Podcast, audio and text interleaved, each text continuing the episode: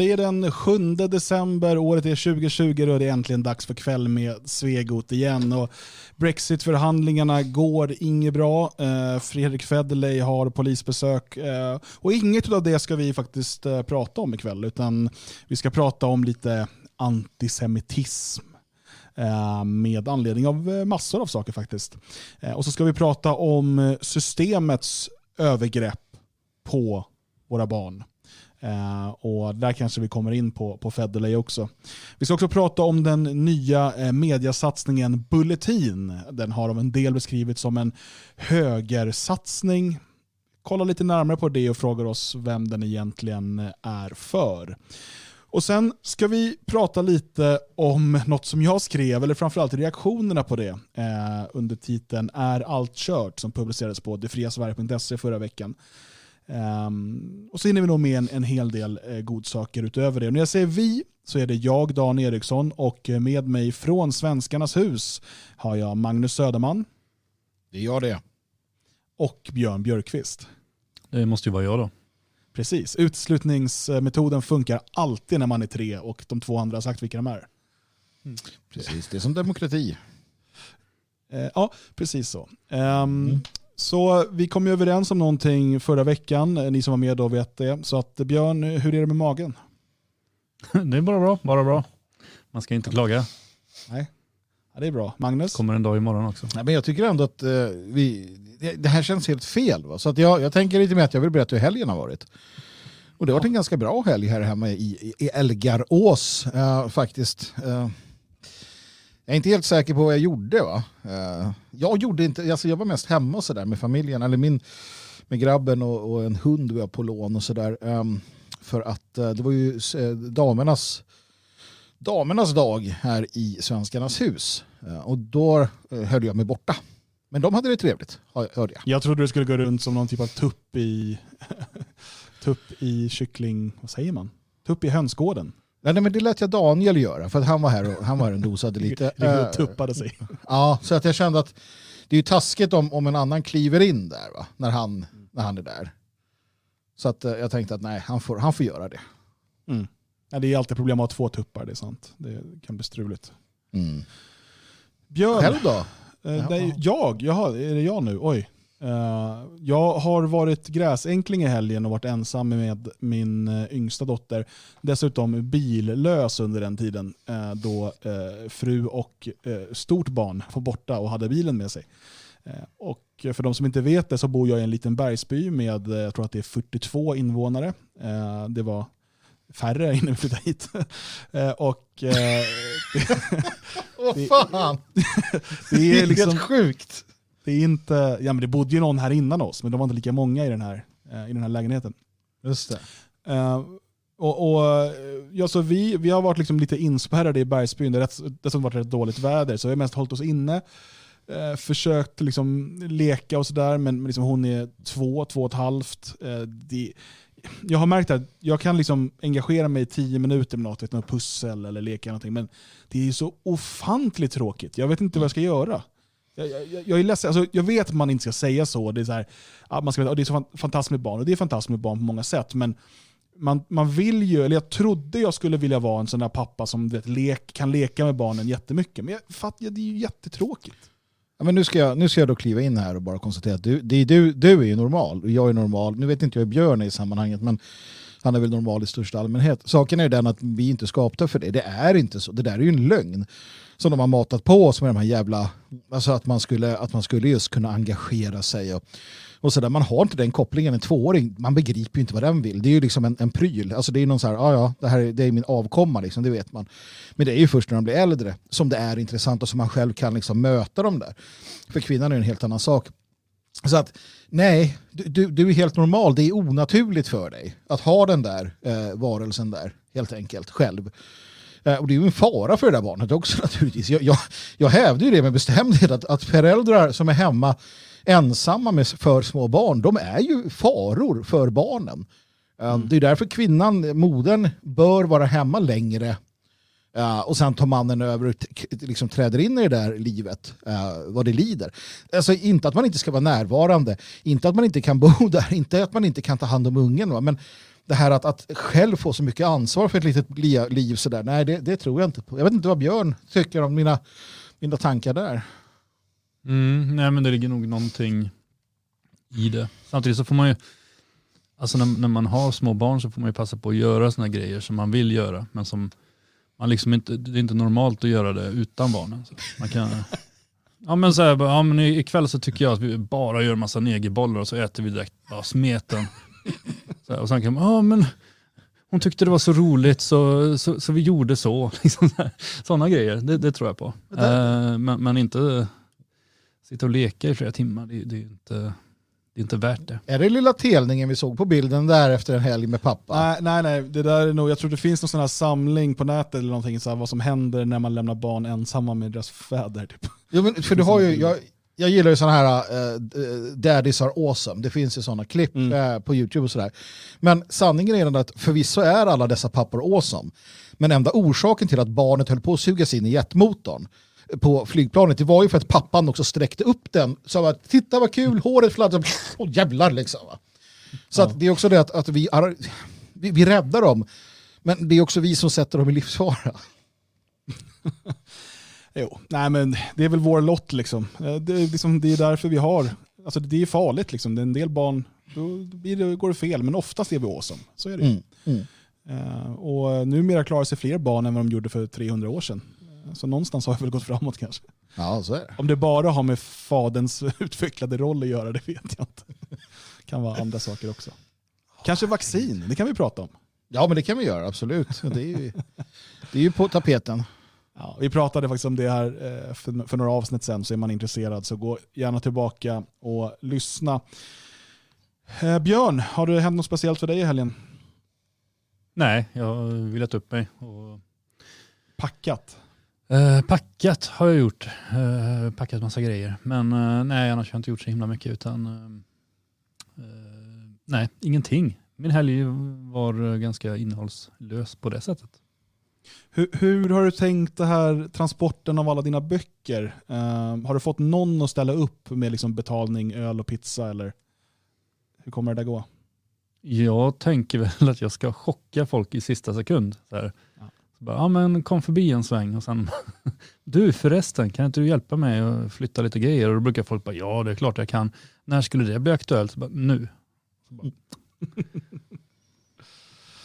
Ja, eh, nåväl, låt oss eh, komma in lite på kvällens ämne. Vi har en hel del eh, att eh, tala om. Eh, jag vill bara påminna om att det nu i helgen är sista gången som Svenskarnas hus är öppet. Du måste dock föranmäla dig på friasvenskar.se. Det är privat, en privat tillställning.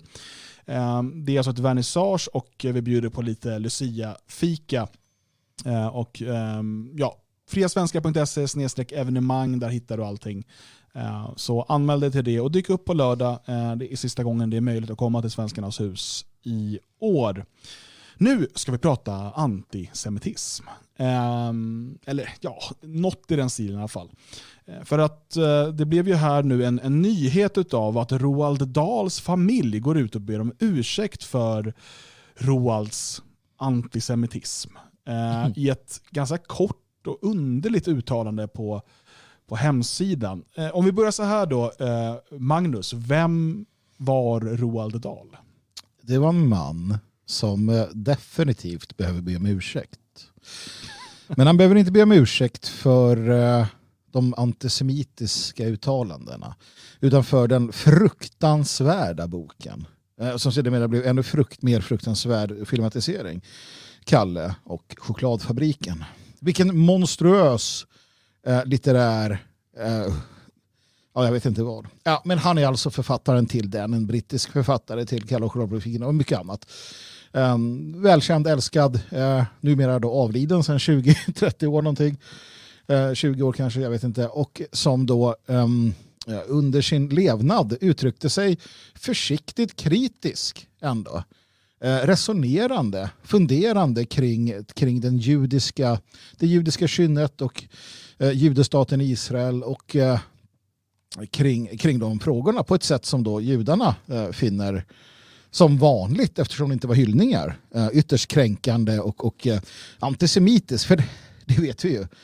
Om det inte är hyllning, då är det antisemitism. Mm. Eh, Björn, du kan ju mycket om det här med antisemitism. Eh, skulle vi, skulle vi kunna säga att Roald Dahl var antisemit? Ja, men det är som alla andra sådana här ord, det beror ju på vad man vill lägga i det. Liksom. Vem är rasist, vem är antisemit, vem är islamofob? Alltså, man brukar väl sammanfatta eller säga att, att en antisemit är inte en som hatar judar utan en som judar hatar. Och på det sättet så är han väl antisemit i och med att de tycker det är värt att hålla på och bråka med hans släkt 30 år efter han har avlidit. Eh, så absolut, uttalandena han har gjort är ju inte, inte enormt uh, hatiska utan mer, han, han verkar ju vara lite skeptisk till, till um, judarna som folk och deras eh, sätt att bete sig mot icke-judar och han verkar väldigt starkt kritisk mot Israel. Vilket han väl också vid något tillfälle menade att hans eh, syn på Israel väl möjligen har gjort honom till antisemit också. och det är ju lätt hänt.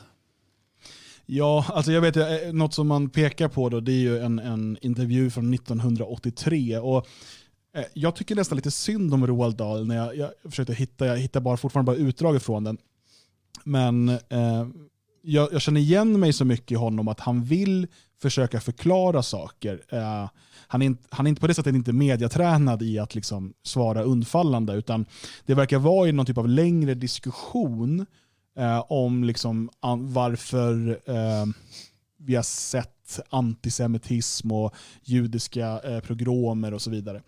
Eh, och eh, då säger han, liksom, i ett försök, alltså, som jag ser det, i ett försök att försöka förklara, försöka förstå varför hur många gånger är det nu, 170 gånger eller vad det är, har eh, liksom, judar eh, inte längre varit välkomna i det land där de, dit de har kommit. Det är ju alltid de andras fel har vi fått lära oss. Det är aldrig judarnas fel. Men då säger han att det finns ett drag i den judiska karaktären som provocerar fientlighet.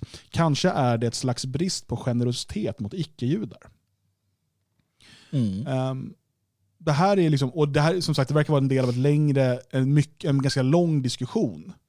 Eh, och där han då och jag känner igen det från många av våra sändningar och sådär, om vi bara lämnar det här med judar åt sidan, men, men när man försöker vrida och vända på saker. Så här, ah, okay, kan vi förstå det från det här hållet? Och så börjar folk ta en liksom bokstav, så här, ah, det är exakt så du tycker.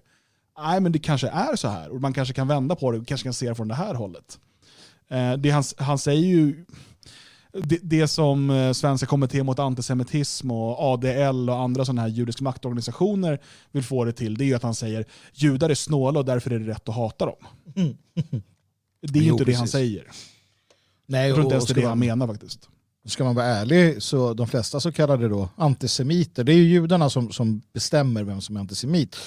Men de flesta antisemiterna, om man tar dem som, som eh, liksom är, är välkända eller så har ju, har ju, också, har ju varit människor med väldigt, eh, väldigt intressant argumentation. Det är ju inte, det är ju inte den lokala liksom, eh, araben i pizzerian som gastar och gormar om Västbanken eller eh, valfritt skinhead på, på min tid som liksom hittade något ballt tyskt slagord och, och drog till med som ingen förstod.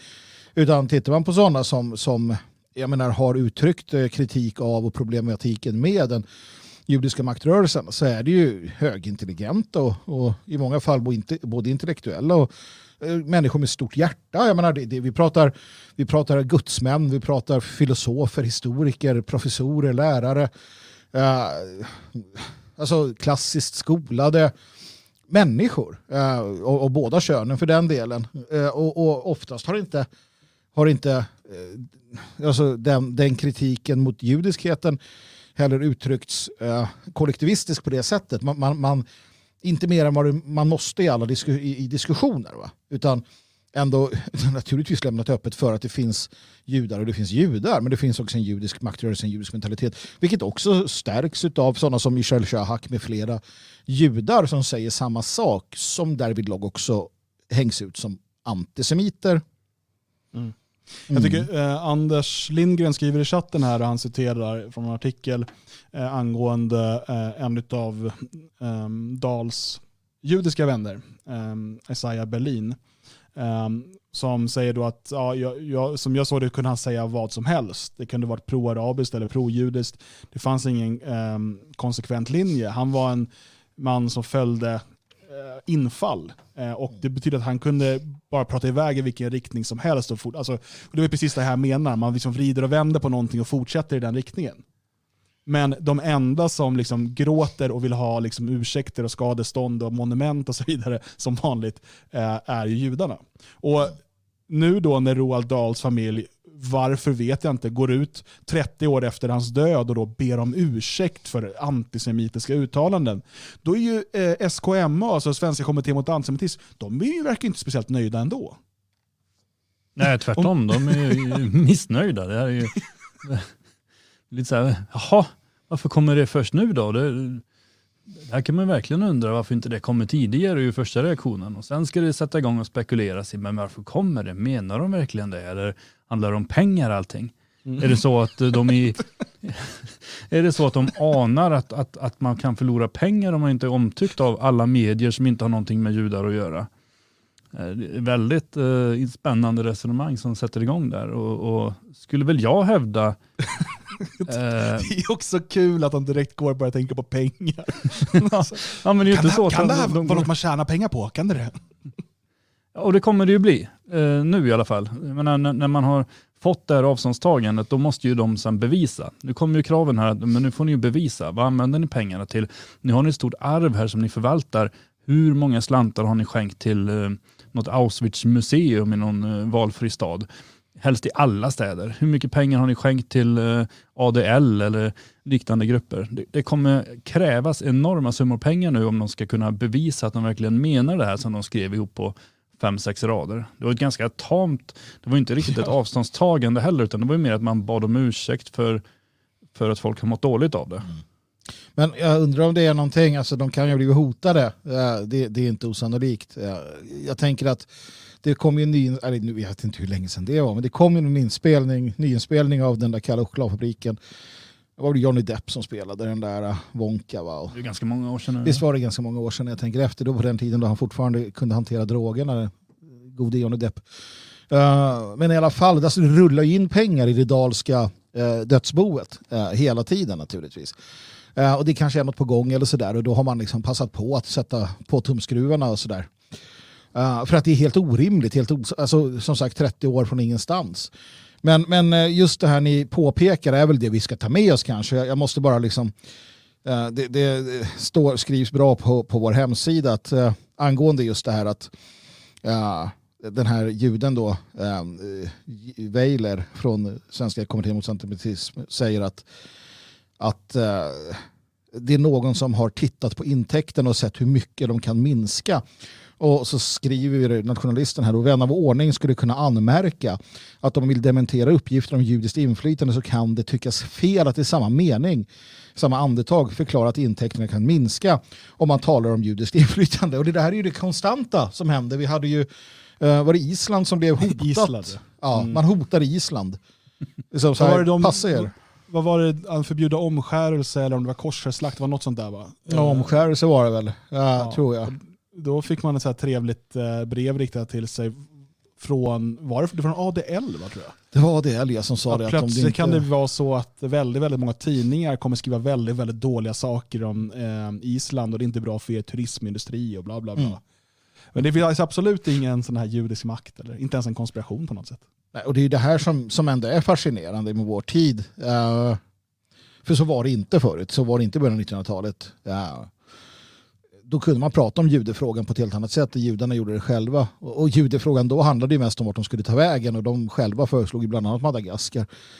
Uh, men det där har ju diskuterats. Men, men själva problematiken med det, eller den judiska närvaron och, och sådär, hur den har påverkat folken och, och de själva och så. Uh, det går ju inte att prata om idag. Um, och i anna, anna, med mindre än att du, vi kan ju prata om det för att vi rycker på axlarna åt att bli kallade antisemiter de judiska vännerna som, som pratar om problematiken i eh, Shahak bland annat och, och han jazzspelaren, vad han nu heter, kommer jag inte ihåg. Det finns ju någon där. Eh, och flera andra. De är också beredda att kallas vad som helst för, för sanningen och rättvisans skull. Men kommer man undan med att ja, men här, som svenska kommittémedlemmar, kommer man undan med att i, i, i samma andetag liksom göra som de gör och ingen då har man ju kommit långt. Så att det hatten av eller kalotten. kalotten av. Ja. Nej men um, visst är det så. Och jag tycker bara att det, det, det, är ju ganska larvigt här utav den här stiftelsen, då, hans familjestiftelse. Men jag tror, precis som du var inne på Magnus, det finns någonting som vi inte, vi inte vet om här. Mm. Eh, något eh, hot om någon stämning eller andra typer av hot eller no någonting som gör att de känner sig tvungna att så här, 30 år senare gå ut med något jätteundrigt kort typ pressmeddelande på, på stiftelsens ja, men det, är väl lite, det är väl lite som när Annie Lööf gick ut och tog avstånd från pedofilbrott några dagar innan mm. avslöjandet om Federley kom. Mm. Ja, mm. precis. precis. Det, det, det, finns något mer här. Nu kanske vi aldrig får veta vad det är eftersom att de nu har gått ut och, och gett ja, gjort den här ursäkten. Så nu kanske de är... Det beror ju på, det här räcker ju inte. Det här kommer man ju inte ja. långt med. Det, kanske blir någon donation som sagt också, eller några stycken. Eh, till lite väl utvalda eh, museum och stiftelser och så. Mm. Eh, det, det, är väl inte, inte omöjligt. Um, jag skulle vilja eh, tala om en annan sak. Det är nämligen en årsdag idag som har uppmärksammats väldigt mycket där jag befinner mig just nu. Jag befinner mig i Tyskland och det, det hänger lite ihop med det här.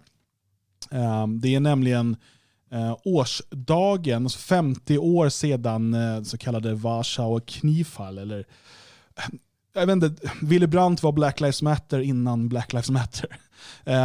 han gick ner på knä framför ett monument vid gettot i Warszawa. Ehm, och det är på exakt då 50 år sedan idag. Och Ehm, ska tala lite om den situationen eh, för att det finns ehm, en hel del där att eh, eh, som, jag tror att man inte vet så här 50 år senare. Man, jag tror många har sett den här bilden, den har blivit liksom ikonisk. Ehm, och det hade ett vikt, var en viktig politisk sak. Men och sen har man tvistat lite om hur liksom inplanerat det var och, och sådär. Men jag tänker att vi kanske kan börja med bara vem var Willy Brandt? Uh, för det finns ju en ganska uh, klar koppling till, till Sverige här. Eh, jag tänker vi, vi, vi kör en sån här liten jingel här. Och nu har det blivit dags för folkbildning. Ja, eh, ni kanske hör att vi stoppar i VHS-kassetten här, för nu ska vi gå tillbaka i tiden och titta på eh, vad, eh, vem han var. Um, han är ju såklart för de allra flesta mest känd då som eh, förbundsrepubliken Tysklands eh, förbundskansler. Eh, men eh, han var ju aktiv i eh, först Socialdemokraterna eh, och sen i då utbrytarpartiet Socialistische Arbeiterpartei, SAP, Eh, från 1931 då i SAP. Jag tycker också det är kul att man det var ju någon typ av eh, reaktion då på att man tyckte att sossarna var för inställsamma mot eh, nationalsocialisterna. Och Eh, då bröt man sig loss ur Socialdemokraterna och bildade en, en, en revolutionär marxistisk eh, parti som då hette Socialistische Arbeiterpartei, SAP, till skillnad från Nationalsocialistische. Eller, jag tycker bara att alla partier hette likadant på den här tiden. um, men, men som då var betydligt mer radikal, vänster, uttalat marxistisk och så vidare. Eh, och den här eh, gruppen eh, förbjöds och Willy Brandt flydde till Norge. Ehm, och sen när tyskarna kom till Norge så flydde han till Sverige. Och jobbade i Sverige nära den svenska socialdemokratin och ehm, engagerade sig bland annat i det som kallas för Lilla Internationalen tillsammans med sådana hemska människor som Alva och Gunnar Myrdal. Ehm, och, ehm, det, han var aktiv i Sverige och, och i Norge eh, fram tills att han eh, för första gången kom tillbaka till Tyskland då som reporter eh, 1946 för att bland annat bevaka Nürnberg-rättegången. Sen blev han borgmästare i Berlin eh, och Eh, efter ett tag då så blev han alltså förbundskansler i eh, det som en del kallar för Västtyskland eller då förbundsrepubliken eh, Tyskland. Han var också eh, utrikesminister innan det. Det som händer då 1970, ehm, den, eh, den 7 december, det är att han reser till Warszawa som den första västtyska, ehm, den första västtyska förbundskanslern sedan kriget. Eh, officiellt. Och eh, han eh, under den här minnesstunden då vid det här monumentet för Eh, upproret i Warszawa, eh, gettot 1943, så faller han ner på knä. Och det här kommer då i en, i en tid då han bara några månader tidigare, eller någon månad till och med bara, några månader, har skrivit under Moskvafördraget. Moskvafördraget innebär då att Västtyskland accepterar eh, de gränser som eh, Sovjet, alltså DDR och Polen och så vidare har dragit emot Tyskland. I en tid eh, då alltså, det, man absolut inte har slickat såren från de stora folkfördrivningarna i forna Östtyskland. Alltså inte DDR utan liksom östra delen av tyska riket. Preussen, eh, Böhmen, Sudetenland och så vidare. Um, så, så Willy Brandt går ut och godkänner de här gränserna eh, och säger att ja, vi accepterar de här gränserna. Eh, han åker sen till eh, Warszawa och går ner på knä eh, framför det här då, eh, monumentet. Och det här kan man ju tänka då att det här var kanske inte alls var kontroversiellt hemma i Västtyskland. Men jo, det var det. Alltså i eh, tidningen eh, Hamburger Magazin som är en eh, som står till vänster, ehm, så gjorde man en opinionsundersökning och frågade eh, den tyska befolkningen om det var rätt av Willy Brandt att gå ner på knä. 41% svarade ja och 48% svarade nej.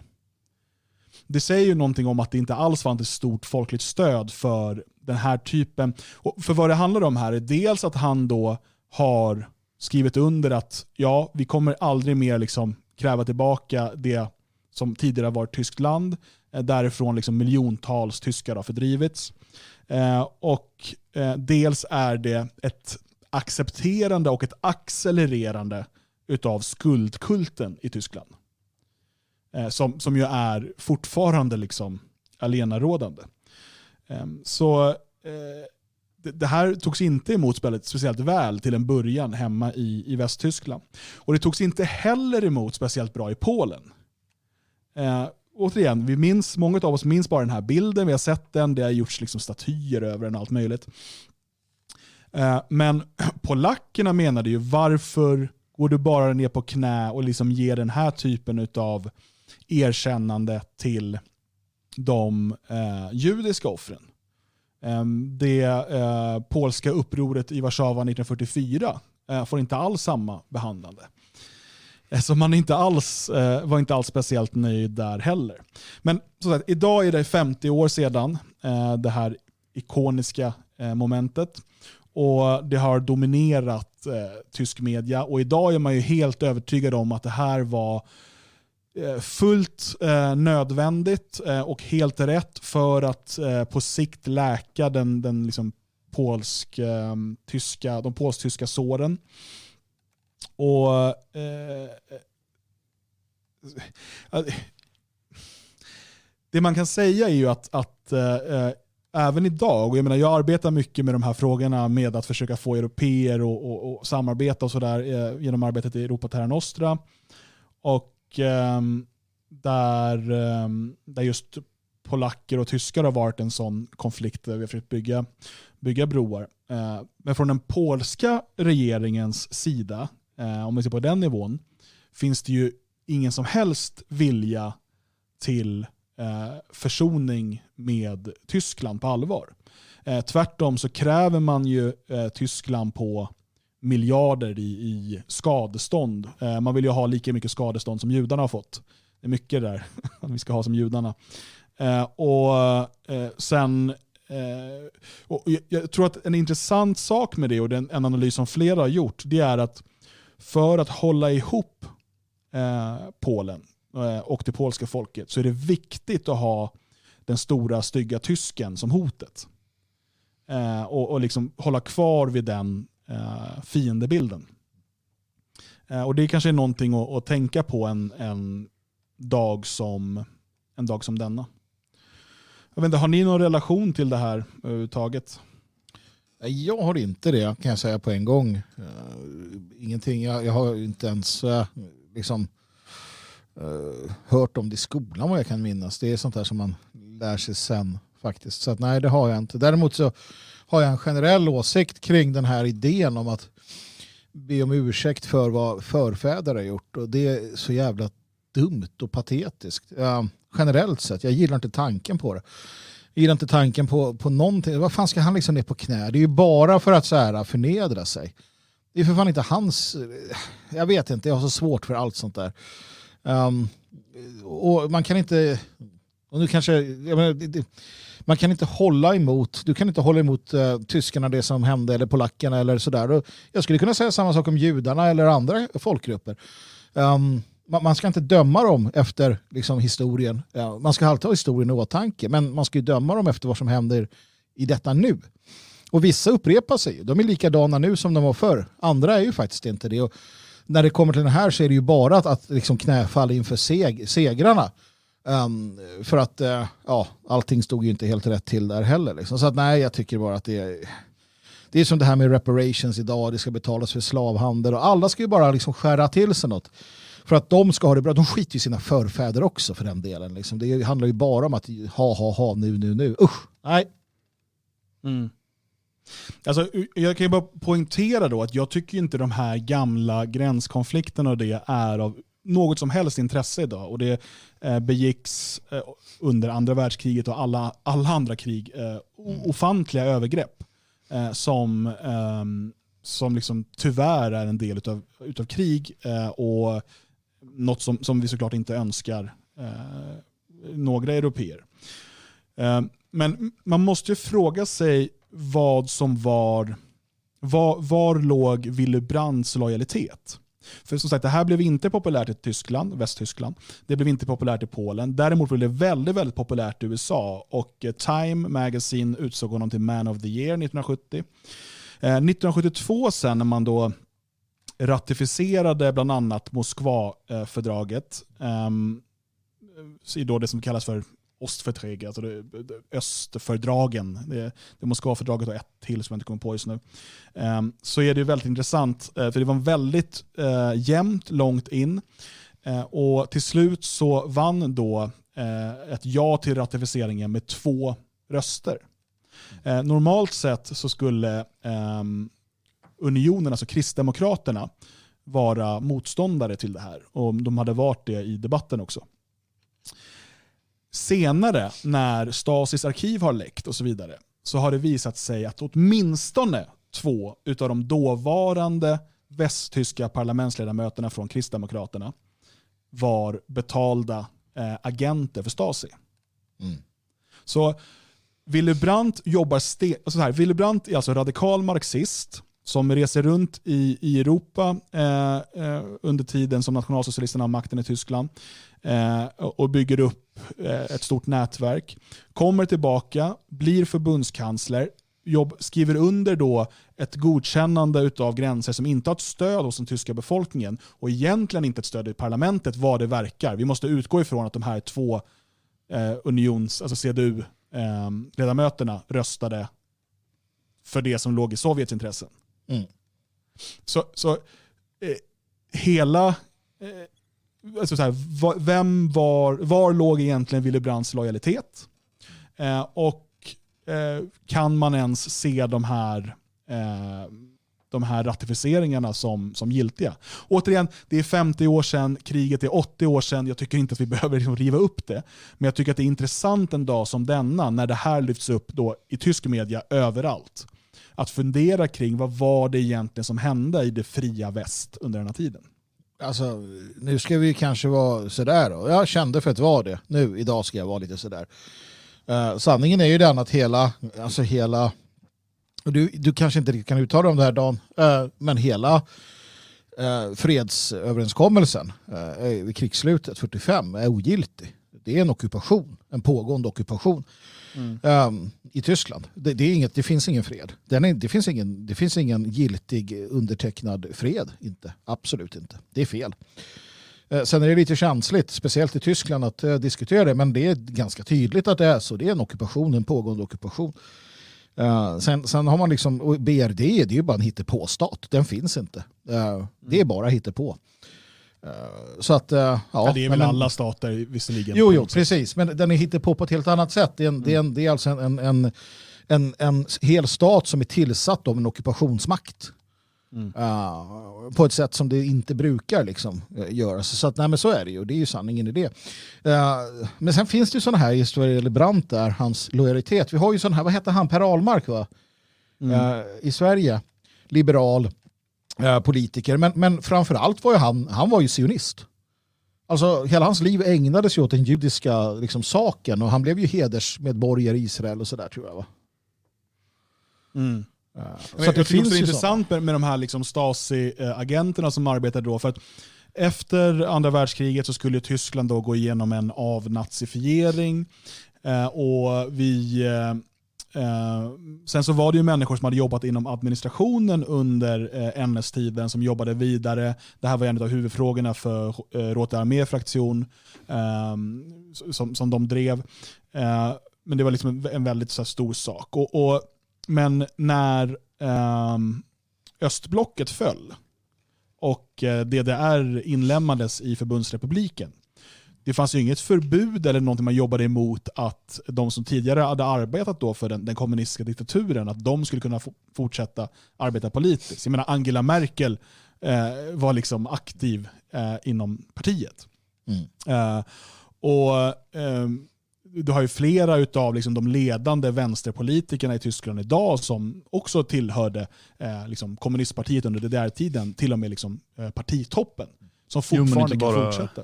Inte bara politiker utan hela samhället. Alltså domare och journalister inte minst.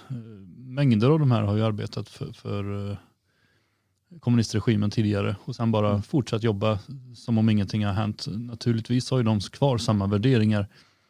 Möjligtvis något reviderade på, på, med alla år som har gått men, men grunden är ju densamma. Mm. Men det är ju ingen som är intresserad av att titta på det överhuvudtaget. Till och med Sverige kryllar av journalister som har fått sin journalistiska skolning i Östtyskland. Mm. Men det är Och inte, lärare. Som har fått en Ja, med. lärarutbildning, u- utbytesår och sådär i DDR. Mm. Eh, Precis, och eh, för det som händer till exempel i Polen nu, man vill ju göra upp med sin kommunistiska historia. Eh, något som Polen gör väldigt bra det är att rensa ut i, i så kallad public service, i domstolar och så vidare. Säga, men ni som eh, liksom var drivande och stöttade kommunistregimen, ni kan inte ha kvar de här positionerna.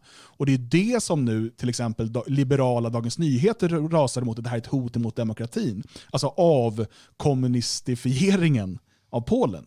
Samtidigt som i Sverige eh, har vi sett till att inte eh, att vi inte ska öppna upp Stasi-arkiven, man, ska få till man brände dem om jag inte minns fel. Eh, de som berörde svenskar. Ja. Eh, det var väl Ja, någon ju- journalist, var det inte någon som hade fått titta i dem och typ kommit fram till att eh, skulle det här komma ut så, alltså typ, i stort sett var det väl jättemånga liksom, journalister och politiker som, som satt i, i Stasis eh, knä. Eh, och, och, men, men i Sverige har vi valt att inte offentliggöra det, till skillnad från Tyskland då, som faktiskt off, åtminstone officiellt har offentliggjort allting. Så att, och i Sverige blir vi då jättearga när Polen försöker liksom, rensa ut och göra upp med sin kommunistiska historia. Ja, vi vägrar ju till och med utlämna en av domarna som sitter och gömmer sig på ett judiskt ålderdomshem i Göteborg. Ja. Som eh, de facto har skickat folk i döden som Polen nu vill eh, åtala och se om det går att döma honom. Men istället så säger Sverige att eh, nej, här ska han sitta innanför sina murar i tryggt förvar. Jag tänker att eh, det kanske vore på sin plats att, att eh, polska specialstyrkor eh, från den polska militära underrättelsetjänsten gör en, eh, eh ja, helt sonika kidnappar vederbörande eh, och, och för honom till Polen. Jag menar, det borde ju vara ett, ett, ett jubel utan dess like, för det var ju så judarna gjorde efter kriget. Eh, och, och än idag, alltså de har ju agerat på det sättet med, med eh, stöd från hela framförallt västvärlden, så att vem vet, det kanske polackerna också kan få göra. Eh, ett tips sådär i allt välmenande. Ja, nej, det är ju riktigt vidrigt. Jag vet att Nordisk ungdom uppmärksammade ju den här, ehm, den här judiska domaren några gånger som alltså får gömma sig i Sverige trots att han, han har ju skickat massor av polacker i, i döden. Ja. Eh, och, och ska egentligen utlämnas men, men Sverige låter, låter den hålla sig. Det, det är liksom, Sverige är obehagliga på det sättet. Och Sverige har alltså också spelat en, en avgörande roll i skolningen av Willy Brandt. Mm. Eh, och hans nära koppling till det svenska sociala, alltså innan, innan han blev en toppolitiker i, i, i eh, Tyskland, för att man ska veta det att eh, Socialistische Arbeiterpartei, den här marxistiska eh, radikala partiet av, som utbrytargruppen för Socialdemokraterna, de hade inga liksom, stora framgångar i valet. De hade en del lokala framgångar, men det var inget topparti på något sätt. De kom inte in i förbundsdagen eller riksdagen.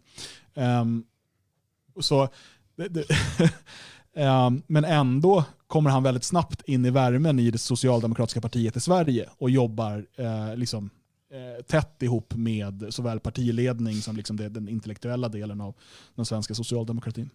Men det kanske också är värt att uppmärksamma och eh, igen då förstå tas upp här i, i chatten där att det här Stasiarkivet så att, att det berörde då politiker, journalister, lärare och präster. Jag, jag, tycker det är ändå intressant för att man pratar om den här eh, eteriska nästan djupa staten, den här, eh, den här väldiga konspirationen som finns säger man. Men, men sanningen är ju den att i allt väsentligt så, så grundlades det här under den här perioden.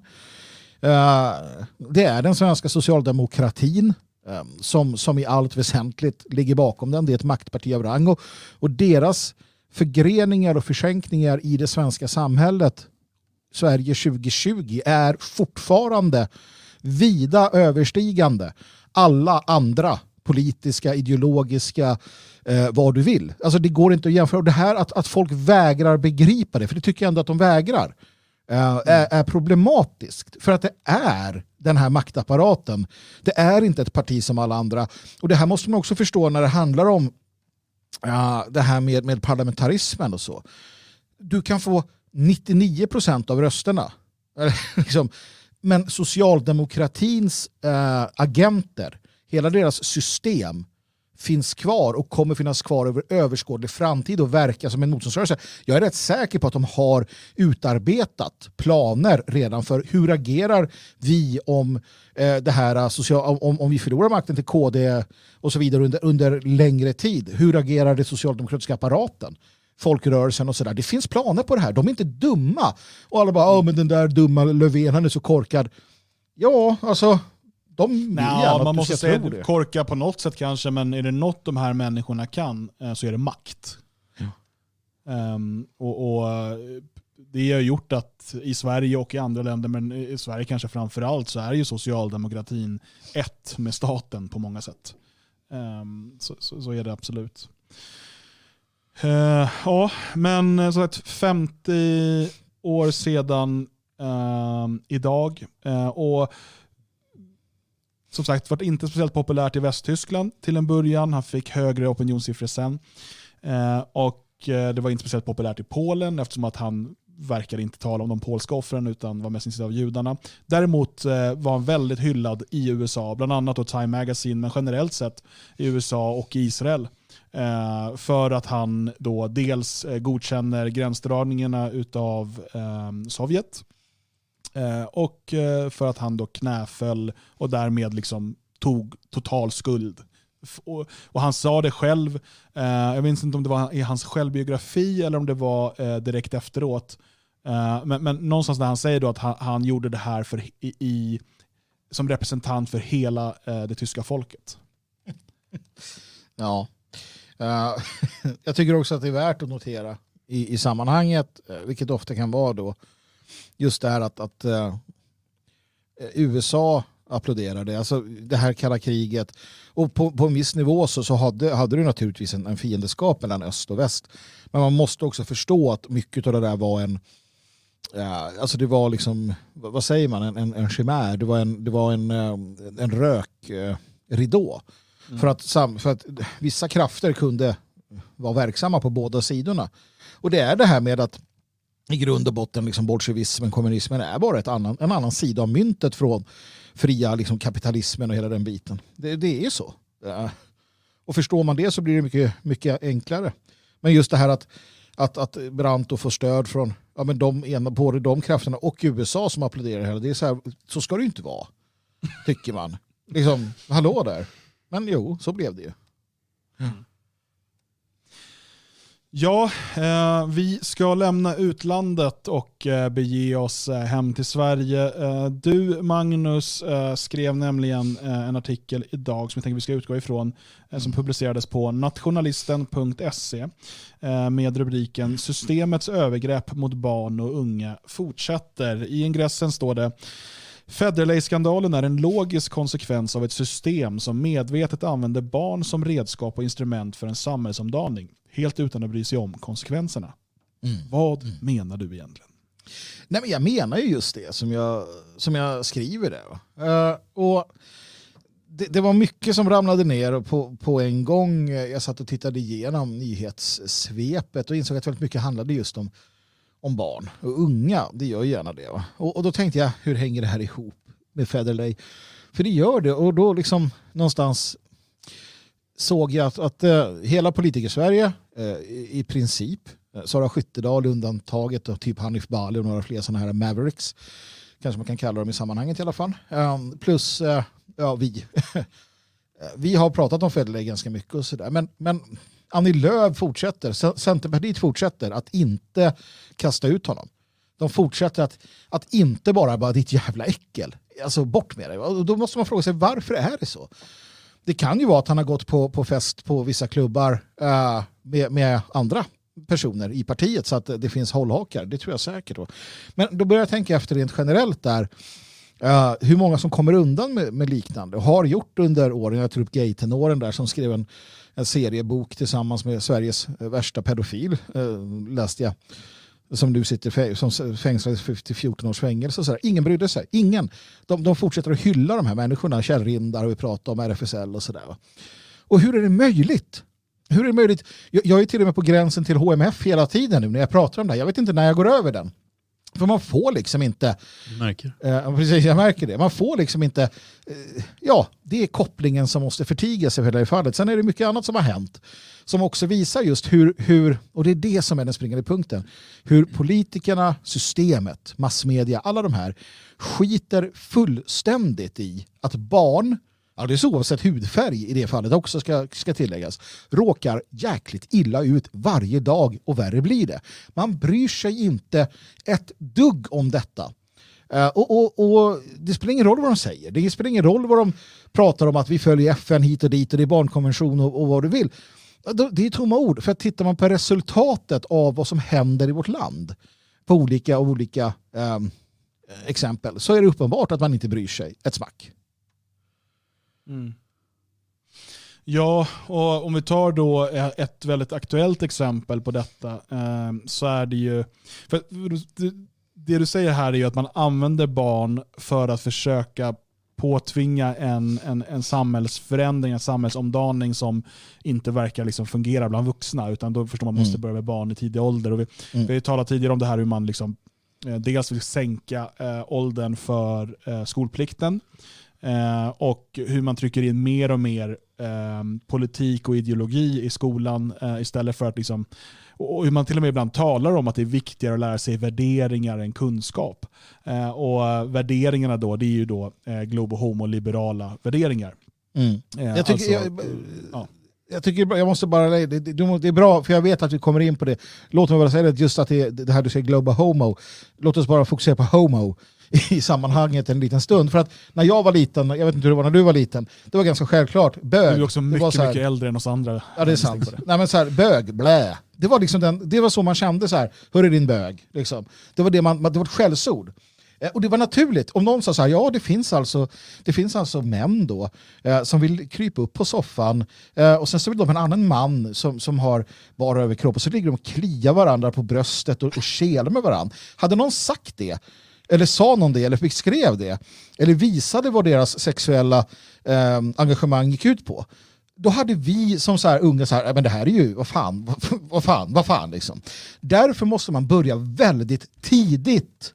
Varför hade du så förändra... detaljerad beskrivelse av det där bögmyset för? Mm, jo, men för att, för att de flesta som jublar över bögeri, vet inte hur det ser ut. Nej. Jag vill bara ha det sagt. Um, så att, så att, för så är det faktiskt, de flesta som sitter, ah, men det är jättebra, det är klart homosexuella, de är precis som alla andra och de ska adoptera barn och allting är normalt. Sätter du på en, liksom, så här, det här, det här är liksom det, då, då, då kan det nog bli en annan ton där, vågar jag hävda. Men i alla fall, det ska börja när man är liten. Och det är därför det slutar med elände också. Och, och det är så de har liksom börjat förändringen där. Och det gör de då på alla fronter. Barnen är spelbrickorna, barnen är eh, katalysatorerna för den stora samhällsomdaningen. Kosta vad det kosta vill, hur många barn som drabbas illa, skitsamma, de kan stryka med, vi skaffar nya, vi importerar nya, vad som helst spelar ingen roll. Kör på bara. Så, mm. eh, då var det sagt. Precis, och, och, man har det i skolan och man såklart i, i, eh, liksom, i media. Eh, försök att kolla på SVTs Barnkanalen. Med några få undantag så är det ju liksom totalt eh, globo homo-skräp. Ehm, det, det, är, det trycks in överallt. Och det är något här på Bolibompa med någon, liksom, någon Bamse, alltså inte den här björnen utan det är någon tjej som är en kille eller, eller tvärt, jag vet inte. Barn alltså pratar vi om. Eh, och det är liksom drag queens och eh, väldigt mycket icke-svenskar. Mm. Eh, för att barnen ska liksom vänja sig vid det. Och det, det är också den här tron på, att, eh, på liksom den här sociala ingenjörskonsten. Att bara vi då börjar i tid och liksom utsätter dem för um, de här intrycken så kommer det normaliseras och, så kommer, och då kommer global home och multikultisamhället fungera. Och, um, nu vill man ju ta det här ännu ett steg och det är flera kommuner som nu talar om det här och en kommun som gör slag i saken är Karlskoga kommun. Jag bodde ganska nära den tidigare. Det ligger i Örebro län. Som nu inför nya regler där du inte får välja förskola själv för dina barn. Mm. Utan man ska se till att de här blandas. Och Det här är ju det vanliga då att när människor får välja själva, då väljer de att eh, generellt sett väljer man att bo med människor som eh, har samma ursprung som en själv, som talar samma språk som en själv, kanske samma religion som en själv, eh, samma kultur, samma världsåskådning om går, så lika en själv som möjligt. Det vill de allra flesta människor göra. Mm. Och, det är vare sig de liksom är svenskar, eller turkar, eller kineser eller vad de nu är må vara. Eh, och nu då hoppas man kunna lösa det här genom att tvinga barnen att gå i blandade förskolor. Alltså där, där föräldrarna ska inte kunna välja vilken förskola barnen går i, utan kommunen ska se till att de blandas. Och jag tycker att formuleringen är ju ändå rätt kul. Um, när man säger uh, Boendesegregationen har stor påverkan vad gäller integrationen i det svenska samhället. Förskolan är en plats där förståelsen för mångfaldssamhället kan utvecklas naturligt. Mm. Vad är det som är naturligt i att tvångssätta ihop barn med varandra? Nej men det här är väl hämtat direkt ur skolplanen. Ja. Det är ju sådana formuleringar där. Så det, det, där är ju ingenting konstigt. Det, det de gör är att de följer skolplanen. Uh, för jag såg någon här skrev att uh, ja, men då får man väl byta kommun om det är så. Men, men det här är skolplanen i Sverige. Det här är det som gäller. Och det går inte att byta kommun utan så här kommer det bli i alla kommuner. Det ska tvångsintegreras. Barnen ska påtvingas det här när, när de vuxna är dumma och inte vill bo med, med massa främlingar och inte förstår språket och de går ut och inte vill arbeta på en arbetsplats där de inte förstår vad som sägs och så. Då är det barnen som ska in i det istället. Mm. Vi, eh, vi tog upp det här för ett par år sedan. Jag tror jag skrev om det här för tio år sedan. Jag tror att vi pratade om det här för 20 år sedan. Um, och nu ska jag bli sådär igen då var det så få som var intresserade av att lyssna och väldigt få som så här, ja men det här var dumt, jag ska hjälpa till de här projekten som försöker ändra på det, utan då var det så här, ja de här rassarna med sina dumma konspirationsteorier. Samma mm. personer, många har ju idag så här, nej men nu, nu tänker jag lämna landet, jag läste på Twitter någonting så här, nu ska, mitt, eh, nu, nu ska mina kompisar Bengt, Bengt, Bengt Inge och vad det nu var, nu flyttar de till Spanien, för nu går det inte längre. Man bara, ja, nej, men kul då för dem då som kan flytta till Spanien. Synd att de inte är för 20 år sedan bara och så vidare. Men nu ska vi inte vara bittra på det sättet. Uh, vara lite grann sådär va. Men för det är ju det att det här har varit öppet, det är som du säger. Alltså, uh, jag tror det är LP, läroplanen eh, för grundskolan och förskolan 2014 eller något sånt där som fortfarande, eller ja den har väl uppdaterats, men redan där säger man ju det att för att förstå fördelarna, och jag vet, jag, jag skrev ju om det här för fan, F- eh, Alltså, för att förstå fördelarna med ett mångkulturellt samhälle så ska man lära ut det. Och då tänkte jag att om det är sådana fördelar, det här sa jag som sagt för tio år sedan, om det är sådana fördelar, varför måste jag läras ut om det? Varför måste jag läras ut att HBTQL är det bästa som finns? Om, om det är naturligt, om det är så att alla bara wow, det här är så kul och gay liksom. Och gay är ju trevligt då på engelska.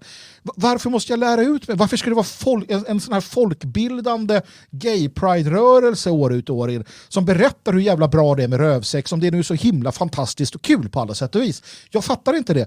För att är det så jävla bra så borde man ju kommit på det. Då borde mänskligheten säga wow, det här är det bästa som finns, det här måste alla göra, vi ska blandas och, och liksom homosexuella oss och vi ska liksom gosa med varandra överallt jämt och barnen ska vara med för det är bra och sådär. Men det har vi ju inte.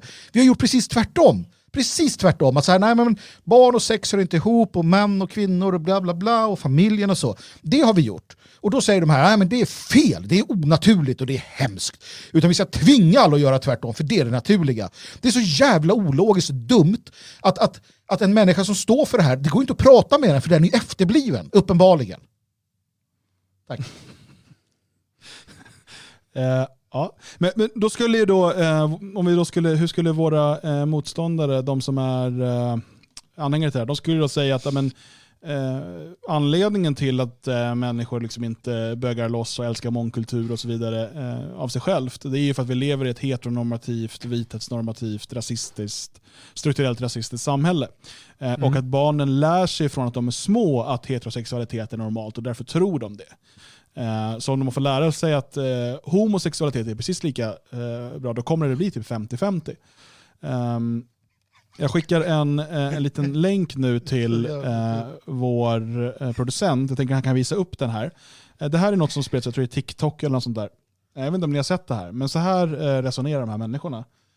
Uh, ska se om han lyckas få in den filmen. Ehm, He is gay. Yeah, this is him. He's gay. I called up my dad and I said, hey, guess what? Your grandson, gay. Gay, gay, gay. My dad says you can't just say that your baby is gay before he gets a chance to tell us he's gay. And I go, whoa, whoa, whoa, whoa, whoa, whoa. Straight people do it all the time. Little baby boy is born. Oh, he's gonna be a heartbreaker. Little baby girl is born. Oh, you better lock her up when she turns 16. Clearly, people want their children to be straight. Well, my son is gay. Gay. Very gay. Very gay. Den kan sen kommer någon som kidnappar en apa som nästa film, tycker jag var passande. Eh, kanske vad hon skulle gjort istället, så kunde hon göra mindre skada. Ehm, för, för första stackars barn. Eh, ja. Men okej, har hon en poäng då? Vi förutsätter ju att våra barn är... Jag orkar inte. Jag försökte vara den här... Eh, men, Jo, nej men så här då, vi, vi förutsätter ju det för att det är ju det som är det normala. Alltså det normala är ju... ja, men är det Nej, normala du får inte bara... säga det där! Nu, Är det- nu, du får, man är får det- inte säga att, Är det det är det normalt. normala bara för att vi Nej. förutsätter det? Har vi Nej, skapat det genom att förutsätta det? Det normala är väl det vanliga. Eh, vanligaste. Men, men eh, ehm, nej, så det har vi ju inte. Men, men eh, även om det var så, så varför inte? Det har väl funkat bra. Måste vi börja proppa i folk att de ska vara homosexuella? Eh, och, och, om de Vi, inte då har vi märkt proppar det. i dem att de är heterosexuella. Men vad- det gör vi för fan inte alls. Jag fan gör- Hallå, jag proppar ju inte i mitt barn att den är sexuell alls. Jo. Mitt barn är inte sexuellt förrän den blir sex... det, det är ingen sexuell varelse. Du, jag men minns det är det här de menar. tre och du började slänga så här Playboy-magasin på honom och bara kolla brudarna. Jag minns Precis. Nej, det, men, men det är klart att man inte... Alltså, man sexualiserar inte sitt barn. Nu menar ju de här sjuka jävla ehm, eh, normkritiska eh, och andra as, jag menar en sån som Kingsley, du var inne på han förra gången, säkert han, sådana som Freud, eh, och det är Baum, och det är Berg, och det är Gold, och det är, jag vet inte fan vad de heter allihopa. De hävdar ju att barn är sexuella varelser redan från, från eh, ung ålder. Vi, vi har, vi, I Tyskland var man tvungen att dra in en, en för det var en, en delstat som skickade ut så här att "Nej, men det var lugnt och du skulle smeka ditt barn på könet när det badade och sådär. Det var fina fisken det. Och sen man, nej vi får dra in det här för folk tyckte det var osmakligt. Det var några sådär ah, trötta kristna jävlar som började tjafsa emot och säga så här kan man inte göra. Så vi drog in hela den. Va? Men alltså vi måste ju förstå att det är på väg åt det här hållet. Jag menar demonerna vandrar ibland oss och tar över folk, uppenbarligen vägen. Jag kan inte se det på något annat sätt. Jag vet att Björn inte håller med om just det. Men något djävulskap är det ju. Något riktigt otyg. Och tyvärr, som du var inne på förra avsnittet, Dan, det här är ingenting nytt. Det, alltså skandalen i Tyskland rullar upp fortfarande under 60-70-talet. De massiva övergreppen mot tyska barn ehm, um, som, som det nu kommer fram i de här olika underströmmarna i samhället. Alltså det är fruktansvärd läsning. Det är verkligen att här ska vi lära de små barnen uh, som är sexuella att, det, att, att nu ska det liggas alltså. Och det gjorde man på, alltså, nästan institutionaliserat till del. Daghem pratar vi om, alltså du lämnar ditt barn och så begicks det övergrepp på det. Det är sånt som rullas upp. Vad fan? Mm. Och, och, det är tyst. Det är helt tyst. Och det är som jag säger och som jag tar upp i artikeln där. De skiter i det. Alltså du måste förstå att eh, politikerna, när de sitter där, de skiter i det. Medvetet eller omedvetet, spelar ingen roll. Det är dödskallar, det är grinande dödskallar som vill oss illa. De vill barnen illa. Man måste förstå det så att man får rätt, man får rätt känsla gentemot de här asen. Alltså, ja. Mm. Nej, det, jag vet, alltså, du, du, har, du har helt rätt. Och jag, försökte ju spela lite djävulens advokat här för jag tänker att man behöver det för diskussionens skull. Uh, men um, det är ju viktigt att förstå att det är så här de resonerar. När jag säger de så menar jag i stort sett varenda uh, person som, eh, som läser sociologi och, och så vidare på Eh, på universitet. Eh, och eh, den här saken med liksom intersektionalism och, och, genus och så vidare, allt det här hänger ihop. Ehm, det är ju också idag en del av såväl lärarutbildningen som polisutbildningen. Alltså det här ska genomsyra hela samhället. Det är också fastklubbat av regeringen. Mm. Så att det är det här som man liksom ja, släpper ut sina barn till. Och det blir ju också ettervärre när man då betänker att det finns eh, en hel del sossar som nu arbetar för att man ska ha skolplikt från två års ålder för att då kommer liksom, eh, barnen bli bättre medborgare och sådär. Eh, och, och, för de har, alltså, jag tror att man någonstans har insett att, om, eller man har insett, jag vet det, jag förstår det, eh, att om vi låter familjerna uppfostra sina barn själva, om vi ger människor för mycket valfrihet, då kommer de att välja fel. Mm. Så det är bättre då att, eh, att vi sätter in barnen i institutioner och vi lär dem att tänka rätt. Eh, och så ser man den, den liksom äldre generationen, och det äldre, då menar jag alltså vuxna. Eh, den ser man lite grann som kör, men den kommer ju ändå dö. Så den här generationen som kommer nu, de barnen kommer vi kunna forma. Och då kommer nog integration och, och liksom, eh, tolerans och globo homo fungera. Ja, det kommer det ju inte heller. Men jag, jag tycker, mm, du, du nämnde ju det där barnprogrammet med Bamse, jag vet inte om vad det heter.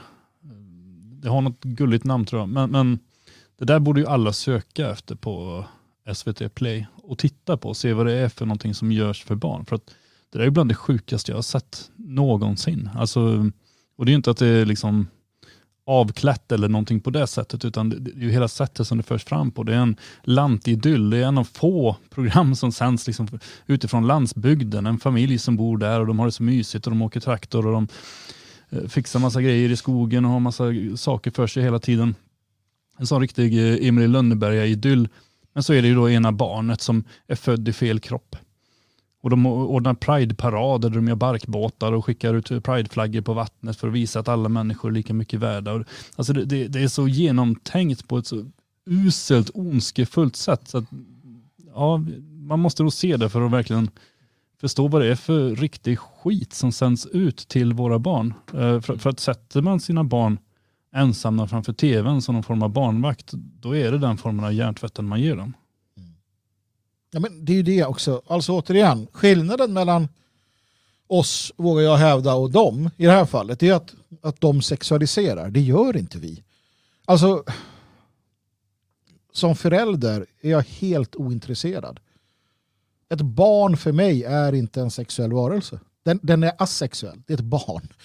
Um, sen, sen, sen blir, det en, blir barnet äldre och vid något tillfälle så bara wow.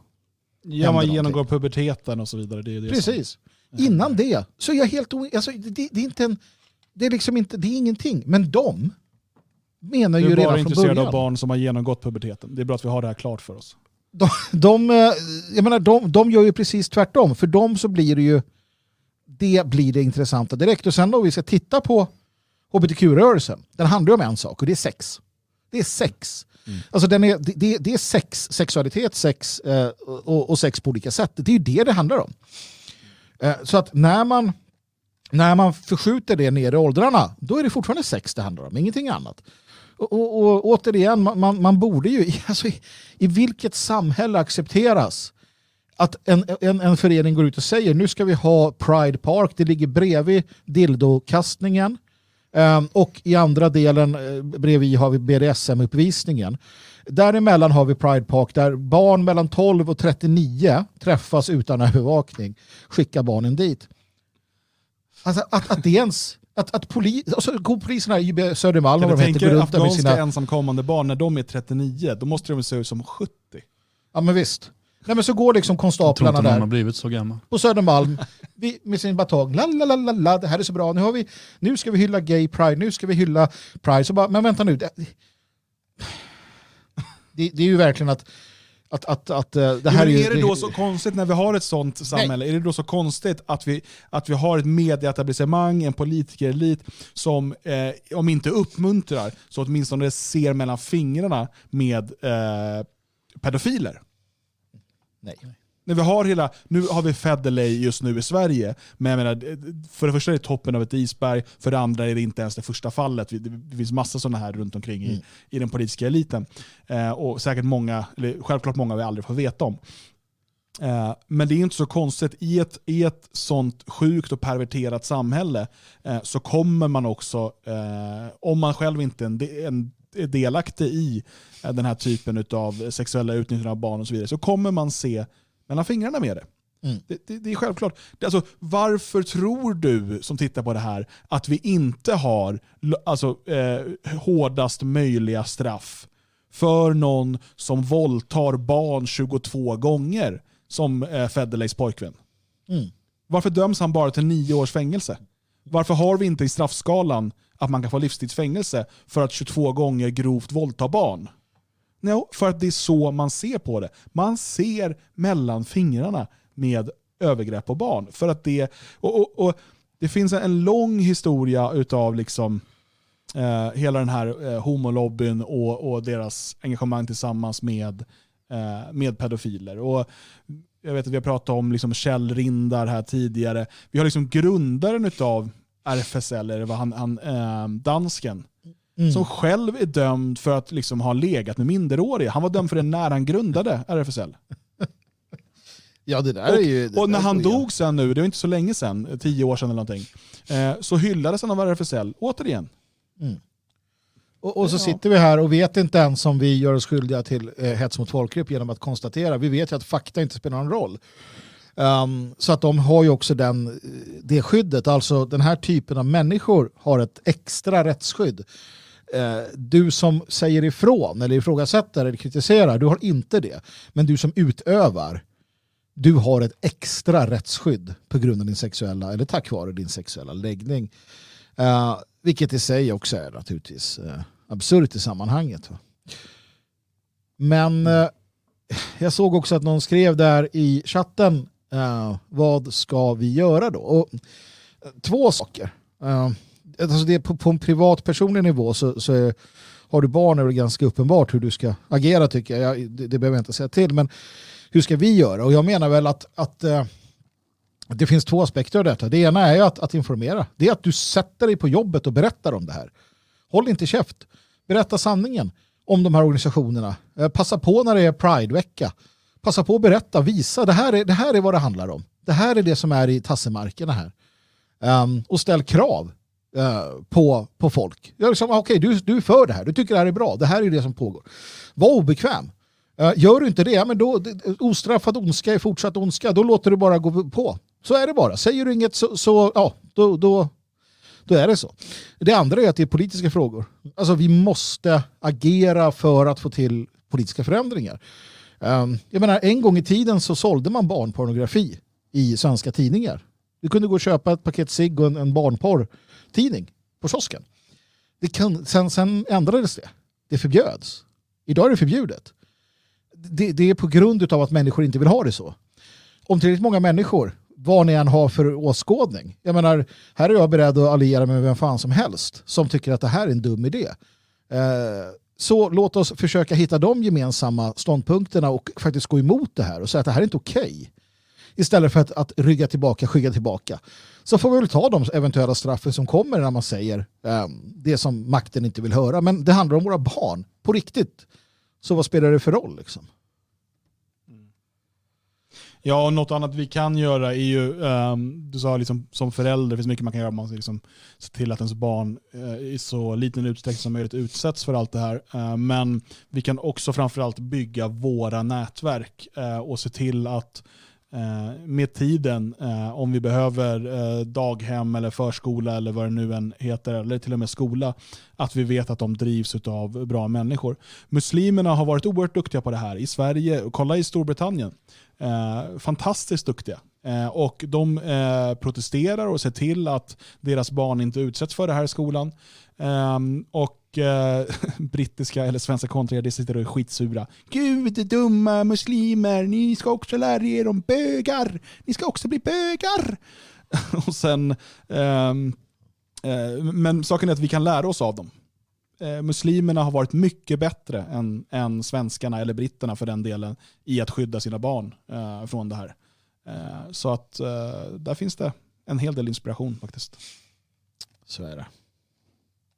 Sluta.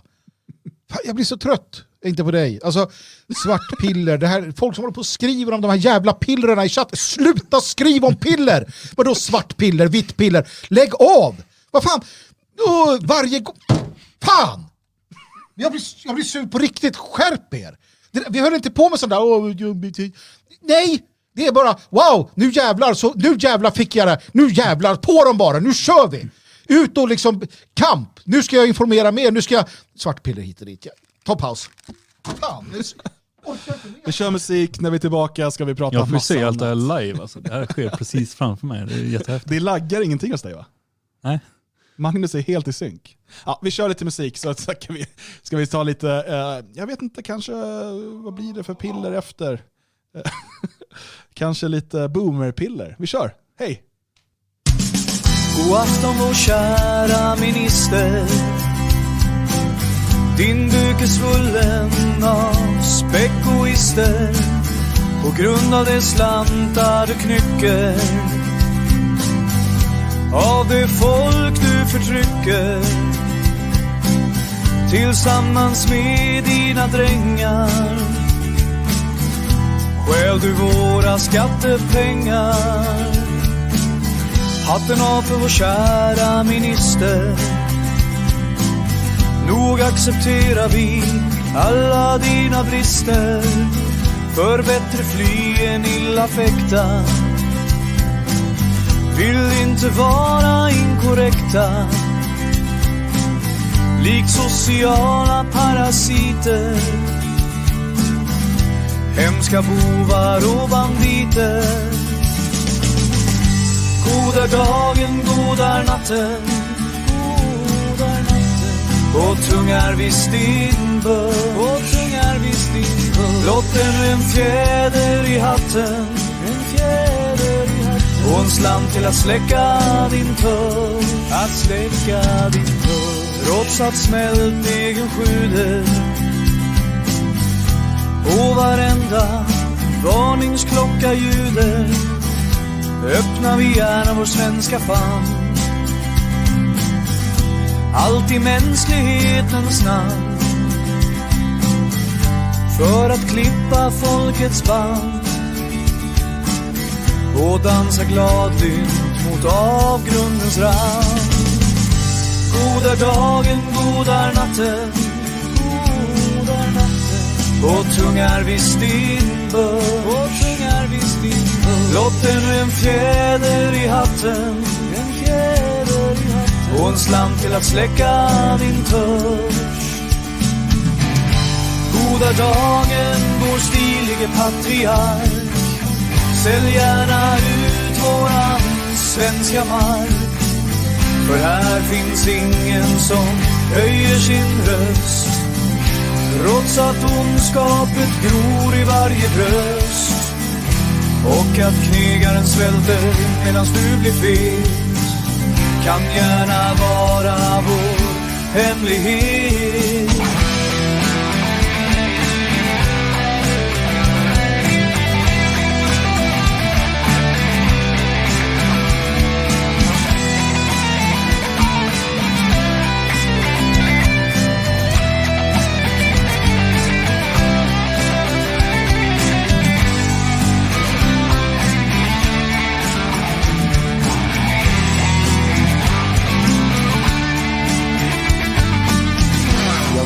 Ska man ens reagera? Gå på gatan och protestera när vi kan vältra oss i materialism och strunta i otyg som nationalism. För nog har vi tv och kanske bredband. Då behövs inget jävla fosterland. Goda dagen, goda natten. Och tung vi visst Och tung vi visst Låt ännu en fjäder i hatten. Och en slant till att släcka din törst. Goda dagen, goda natten. Och tung vi visst Och tung vi visst Blott ännu en fjäder i hatten.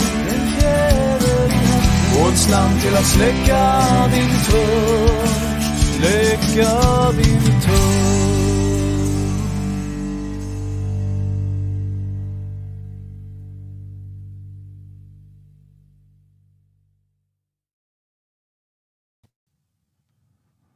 Vad är du sugen på för piller nu? Ah, jag tänker att eh, man ska... Ett vitt piller. Lyssna, lyssna på det här. Lyssna på det här. Lyssna på det här Magnus. Är du beredd? Eh, sen, ja, vi får se om det blir så många fler piller. Det fria Sverige har återigen agerat ombud och våra jurister har tagit fram ännu en överklagan mot moskébygget i eh, Karlstad, på Rud i Karlstad. Mm. Eh, alltså, det här är, det är så himla bra, de har gjort ett himla jobb. Ni kan läsa hela överklagan på detfriasverige.se, ladda ner som pdf, vilket arbete de har lagt ner. Eh, det var ju så att vi, vi lämnade in en överklagan, eh, fick rätt av eh, Länsstyrelsen, men kommunen har nu gjort vad de kan för att försöka hjälpa islamisterna att etablera en stor jättemoské på Rud i Karlstad. Så våra jurister satsar med det och har gått igenom, ni kan läsa allt det här på hemsidan, har gått igenom det igen och nu är en ny överklagan inlämnad. Vi har ett flertal boende som vi agerar ombud för. Det är så här vi fungerar som intresseföreningen för svenska folket, eller hur Magnus? Ja men absolut, eh, det här är fantastiskt. Eh, när vi får ett meddelande, när vi får ett mejl, när vi får ett samtal från någon som har eh, problem. Naturligtvis försöker vi alltid finnas på plats, vi försöker alltid finnas till för att hjälpa, men vi, vi, vi sätter oss alltid och tänker hur kan vi göra något åt det här? Vad kan vi göra något åt? detta. Eh, problemlösning, konstant problemlösning. Eh, så fungerar jag som människa också. Eh, det är sällan jag, jag eh, ältar eller liksom, eh, går ner mig. Och det är därför jag också blir sådär upprörd ibland över självklarheter som sägs. Ja, det är tufft. Ja, det är, det är eländigt. Ja, det är mycket skit. Va? Och så. Men vi Jo, men det är den här här jävla offerrollen hela som man ska tiden ta. Ja. Ja, och, och eh, nu kanske personen som skrev svarta pill, svartpiller fick eh, eh, lite, lite, lite oförtjänt. Men det var, du, du triggade. Jag vet, inte om, om, jag vet inte vad du är för människa du har skrivit tidigare. Jag vill bara ha det sagt. Så att, för att människor blir ju kränkta som fan också bland oss. Va? Eller inte bland just oss, men i vår chatt, det märker man ibland. Nu, nu blev jag kränkt och sådär. Va?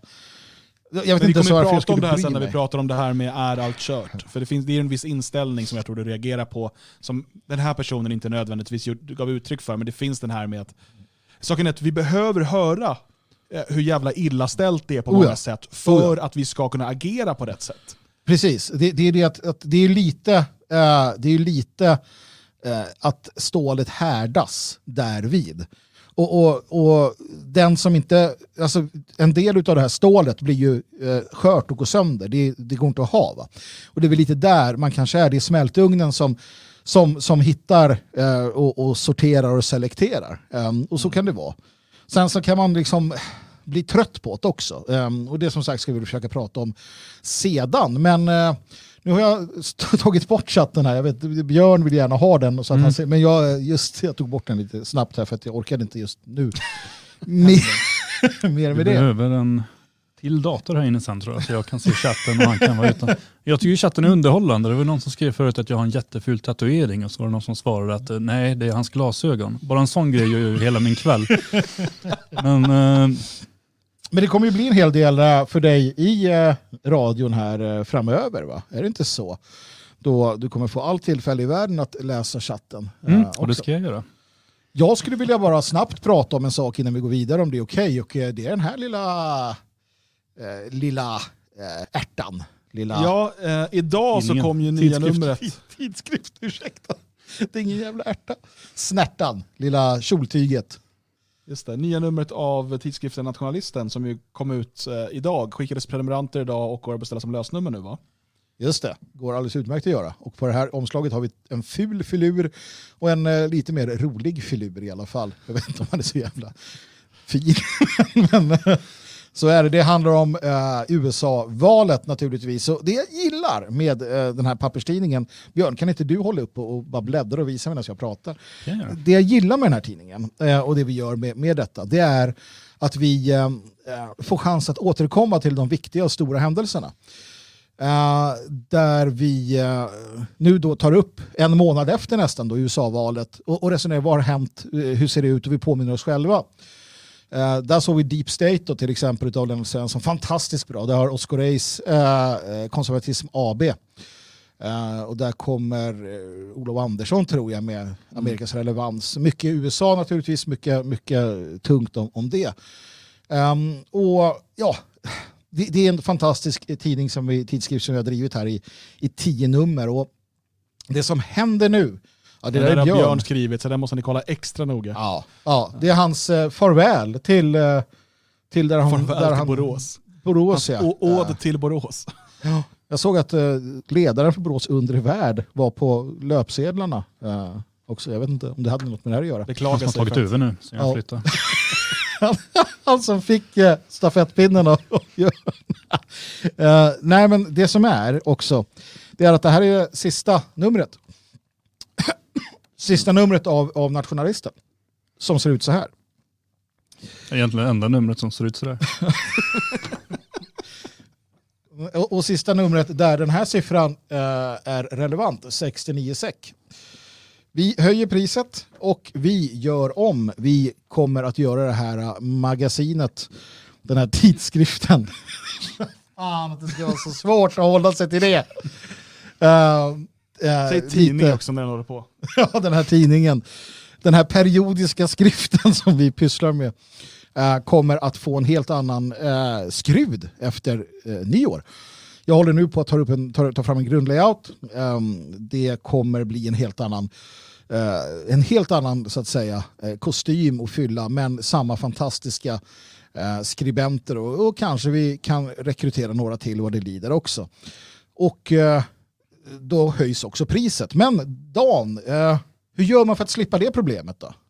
Ja, alltså vi kommer att ha kvar det här nuvarande priset då, 69 kronor i månaden, alternativt 690 kronor för ett år, eh, fram till årsskiftet. Eh, sen går det upp på det nya priset som kommer att vara 89 kronor i månaden. Men tecknar man prenumeration nu innan, då man behåller ju det pris man har liksom tecknat prenumeration för. Så ens prenumeration kommer inte bli dyrare. Så att det är ett utmärkt tillfälle att teckna prenumeration nu om man vill spara lite pengar. Tycker man att, att det är bättre, "Nej, jag vill hellre betala eh, fullt pris efter nyår, så är det såklart eh, varmt välkommet. Eh, Och men jag det, tycker det kommer, att det är det man- det, kommer, det kommer bli en betydligt, vi kan väl säga att så som tidningen blir efter nyår så kommer den bli dyrare att trycka och dyrare att skicka. För den kommer Ja. bli liksom, det, ja, det, det en lyxigare produkt på många sätt. Eh, men det är det steget vi vill ta under år två eh, och det kommer vi göra nu. Eh, och det är väldigt, väldigt kul, men det gör att vi också måste höja priset för att få det att gå runt. Eh, så passa på att teckna en prenumeration nu om du vill eh, undslippa det. Eh, annars vänta till efter nyår och teckna en prenumeration då. Mm. Och jag tycker att du ska vänta såklart. Jag menar, det, det är värt 89. Det är värt, 90, det är värt 100 spänn också för den delen. Alltså, vill du teckna en högre, slänga in någonting så gör det. Va? Eh, det är ett, ett fantastiskt arbete som görs. Och det är ett viktigt arbete. Just i det här med uh, opinionsarbete, åsiktsdrivande arbete på sikt så är ett, ett magasin och en, en fullödig webbsida, hemsida nödvändig. Björn Björkqvist som står bredvid mig här, han uh, tar över för Nationalisten online. Han blir Mm. redaktör för den eh, fantastiska webbsatsningen. Du kan ju berätta lite om vad du har för planer för det, Björn. Tack Magnus.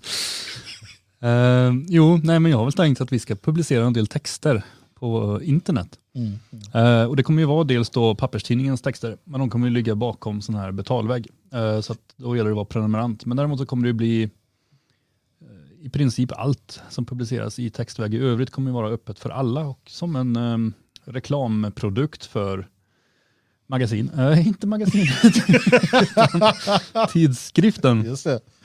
Eh, så att det är ju tanken att eh, få upp, vi, vi, vi sätter ingen så här, det måste vara så här många texter per dag eller så här många så här stora bilder eller någonting utan eh, vi försöker väl skriva om aktuella saker när de sker och sen eh, ha ett väldigt tyckande hela tiden. Eh, tidskriften här har ju ofta mer tidslösa analyser och sånt. Det blir väl mer nyhetsbetoning på sidan men alltid med en ideologisk grund och med eh, ett tyckande. Så det blir inte, man går inte bara in för att läsa att Federley har gjort någonting dumt utan man får också veta varför i så fall. Mm. Ehm, ja, och jag kan väl tänka mig att få hjälpa folk i form av nyhetstips och liknande. Eh, till att börja med så vill vi inte släppa in en massa skribenter utan jag måste landa i det här. Eh, men det är ju klart att om någon känner med sig att de har skrivit ofta förr för olika publikationer och så, så kan man ju höra av sig för att bli en del av den fasta redaktionen. Men, men ströartiklar känns inte så aktuellt just nu. Mm. Nej, sen är det viktigt att påtala det tycker jag. Igen, för att det finns, eh, det finns alldeles utomordentliga Eh, nyhetstjänster på internet. Eh, också de som då eh, plockar fram sånt som är viktigt för oss, sådana som vi använder i vårt arbete. Men vi är inte nyhetsförmedlare på det sättet. Vi är eh, opinionsbildare och vi är sådana som driver den opinionen framåt. Så att, ehm, och naturligtvis eh, vill vara med och forma oppositionen. Jag hävdar att vi tidigare har gjort det och jag hävdar att alltså det Fria Sverige som, som förening gör det. Eh, de projekt vi har arbetat med tidigare har definitivt gjort det. Och vi vill fortsätta med det långsiktiga eh, och djuplodande arbetet. Ehm, och, och, och överlämnar helt enkelt den här snabba nyhetsrapporteringen åt de som gör det riktigt bra. Det finns ingen anledning för oss att, att dominera, eh, försöka dominera på den marknaden utan, utan där använder vi oss av de tjänsterna själva så att säga. Ehm, så att eh, nej men det, det, det är kul eh, och, och bra på, på alla sätt och vis. Eh, Nationalism.se. In där. Helt klart. Och som sagt, nya numret kommer ut idag, så tecknar man prenumeration nu så får man inte det här senaste numret. Det får man köpa som lösnummer. Det gäller att vara med helt enkelt. Ehm, men då är man ju med från och med nästa nummer som då kommer ut i början av januari i den här nya skruden. Just det. Du, en annan sak jag tänkte på det här. Ursäkta att jag bara avbryter dig där, herr ordförande, men det är lite roligt. Just det här att, att man sitter och arbetar tillsammans nära varandra nu som jag och Björn gör. Det gör ju också att, att det blir bättre allting. Ehm, Till exempel så ett uppslag. Tråkigare kanske. Ja, tråkigare också. Ett uppslag i tidningen ser ut så här. Det är alltså Dans eh, eh, text för, han, han har en sån här eh, kolumn då i varje nummer. Och sen är det då lite blandat, gott och blandat. Eh, så här skulle det inte ha sett ut om Björn inte hade påtalat en sak. Vad hade Det var nämligen så att min, min, första, min första tanke eh, var att den här sidan Ja. skulle ligga bredvid dig. Ja. Eh, och, och, jag är och glad att det- han inte gjorde det. Ja, precis. Och jag tänkte inte mer på det, utan jag tänkte, för den hamnade där när jag satte tidningen. För jag tänkte att här passar den in. Det var en, en, en sida som stod för sig själv och, och det fanns en tanke med rubriken där och, och, och hur den ser ut kontra hur det kommer se ut och så, ja i alla fall, en, en liten segway. Men då så tittade Björn på det, det han fick att titta på och så sa man, vad fan, blir Jag är inte att man liksom, på hur intressant det här är för de som lyssnar och tittar just nu. så här, blir det inte liksom att det är en massa såna här, redaktionsmöte. att det är en massa sjuka bilder bredvid, bredvid dagen. Jag förstår att du är väldigt, väldigt intresserad av det här Magnus. Då sa, jag, då sa jag det att ja, det är nog sant. Att, att det blir att man förknippar dagen med... Vilken, vilken här papperskvalitet sjuka. har ni valt då? Nej, Det, det är eh, 80 gram 80 grams papper. Nej, Bra. det är 90 grams papper. Såklart, 90 gram dagen. Lite, lite sådär blänkande. Ja. Ja, ja, nej, men jag är tyst nu. Ta. Bra. För Jag tänkte att vi skulle prata om en annan, en annan mediasatsning. Som, du, du klarar inte att gå längre ner, kroppen eller hur? Du, du Det tog gjorde för ont i knäna. Förlåt. Ja. Ehm, Ah, nej, nu blir vi En annan- seriösa pojkar. En mediesatsning som har fått lite mer uppmärksamhet än Nationalisten, vilket jag tycker är underligt, men det är som det är, är ju en, något som fortfarande inte har lanserats och det är något som kommer heta Bulletin, så mycket vet vi. Och jag har sett människor på, på sociala medier som jag trodde var nationella, eh, det är ju svårt att veta nu för tiden, som säger "Åh, vad, när det där kommer jag ska prenumerera direkt, gud vad bra! Så man börjar då undersöka lite vad det här Bulletin är för någonting. Eh, Ytterst, vad vi vet än så länge, då, ytterst ansvarig är då judinnan Paulina Neuding. Eh, och eh, de två andra styrelseledamöterna är Pontus Tolin och Amanda Tolin Bergman. Eh, de har rekryterat eh, Thomas Gyr, Alice Teodorescu, eh, Tino Sanandaji verkar vara inblandad på något sätt. Nu har man också rekryterat ehm, judinnan Negar Josefi. Ehm, jag försöker vänta på svenska namn. Ja, vänta här. Och sen har man då rekryterat lite svenskar. Ivar Arpi, Nina Lekander från Expressen, Ann-Charlotte Ahlstat från Aftonbladet, Susanne Birgersson från Expressen. Eh, Gudmundsson så det här är med... Vad sa du? Gudmundsson är väl med också? Mm. Jag tror att Gudmundsson är inblandad på något sätt också. Så vi har människor djupt förankrade i mainstream-journalistiken. Eh, judiska aktivister som man ändå måste beteckna Negar Josefi som. Eller ja, just Negar, jag vet inte, får man säga hennes namn? Är det rätt mot folkgrupp? Du, har ju du, du har ju hamnat i klammeri om det där tidigare. Tänk på vad du säger Eh, pojk. Alltså om, man- om man kollar på henne, det, nästan allt hon skriver handlar om hur synd är om judar och judahatet i Sverige. Och, och Sverigedemokraterna fjäskar för judar och bla bla. Det, ja. Var det fel också? Jaha. Ja, det gör Ja, de då är för fel. att de försöker tvätta bort sin antisemitiska historia och sådär. Um, alltså, En tråkigare variant av flam helt enkelt. ja, precis. Och då är fram inte så himla kul heller. men, men det är, eh, när jag tittar på den här laguppställningen, det vi känner till hittills, eh, så är det ganska tydligt att det här, vad det handlar om är en, en svensk version av alla de här, vi har sett det mycket i USA och så, det här centrist, korser certifierade neokon, kons, liberalkonservativ eh, möget. Mm. Eh, och det, är, alltså så här, det är mycket möjligt att det kommer publiceras en och annan intressant sak där. Jag kan tycka ibland att det är intressant att lyssna på fredagspanelen på Kvartal, trots att jag sällan håller med människor som är med där. Men jag kan också ibland lyssna på spanarna i P1, så det säger liksom inte att det, att det får någon här kvalitetsstämpel så. Eh, och Det är väl trevligt med liksom medieaktörer, men när jag, jag, jag, jag bara tänker att du som tittar på det här, du är förmodligen nationellt sinnad, jag, jag bara misstänker det.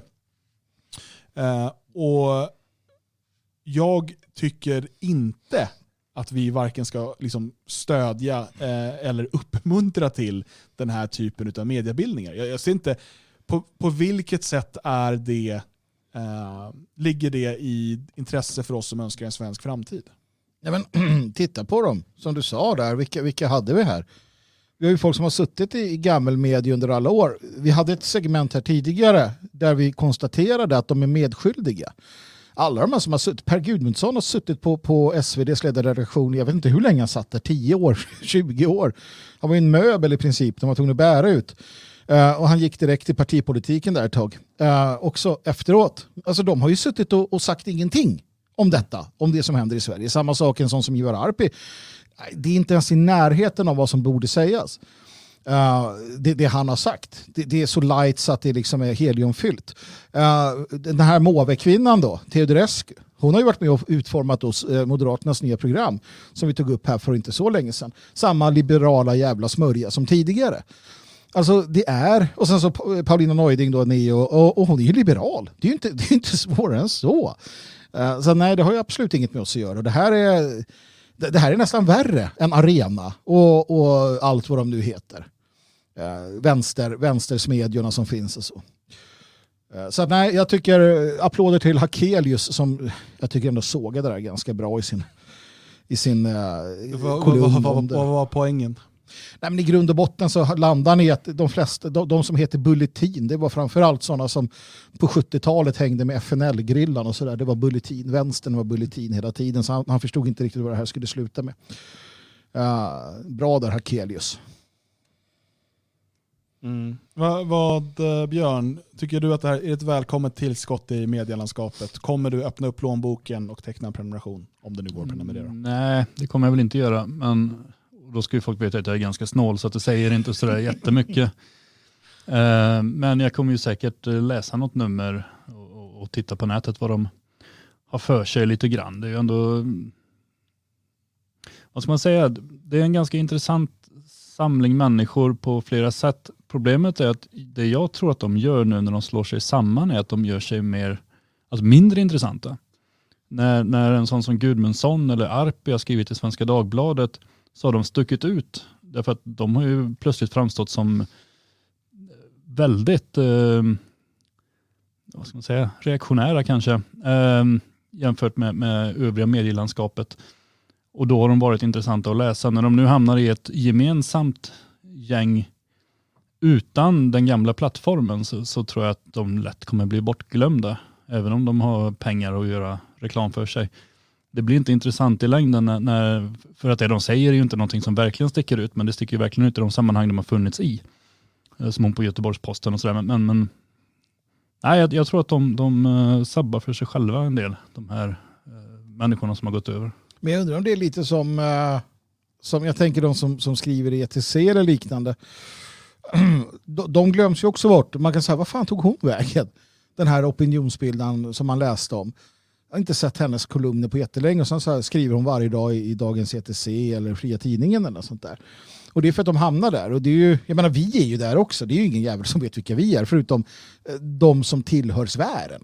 Och jag håller med dig där Björn. Jag tror att det är så. Att, uh, Ja, vi har ju inte riktigt valt heller. Nej, nej så är det ju. det är lite är det. det som är grejen. Ja. Jag menar en sån som Birger Schlaug hade kunnat skriva lite överallt men nu så valde han ETC och då är det ingen som bryr sig. Nej, ja, och det är därför jag tror att de gör också som du säger ett gruvligt misstag. Uh, också på att själva få ut det de vill ha sagt. Va? Så att Arpi till exempel, han, han kommer ju tappa, uh, tappa i reach utan tvekan. Uh, och, och, det är väl kanske då bra um, att de gör det, de här människorna. Det är ju som, som Paulina Neuding och Neo och det här andra hon hade. Jag menar, det var ingen som det var ingen som läste henne där. Va? Så att ur det perspektivet så jo då, uh, det är väl ingen, och jag tror att gammelmedia är nöjda också, de blir av med de här jobbiga. Nu hade ju SvD rekryterat någon annan där, jag såg att uh, Chris Dull nu skrev något om det på, på Twitter. Han sa upp sin prenumeration. Jag var mest chockad att han hade en prenumeration. Jag... Ja, det var väl det. Jag vill inte säga det högt här, för jag ville skydda honom lite där. Stämmer att han har haft en prenumeration på SvD? herr Dullny. Det får vi diskutera. Jag har ju råkat ha det, och på Göteborgs-Posten. Det är att när man har varit tvungen att läsa någonting som man tar sån där gratis fyra veckor och så glömmer man stänga av.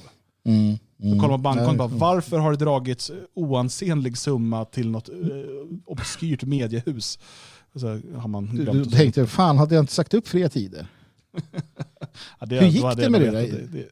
Nej, de slutade skicka inkasso efter ett tag.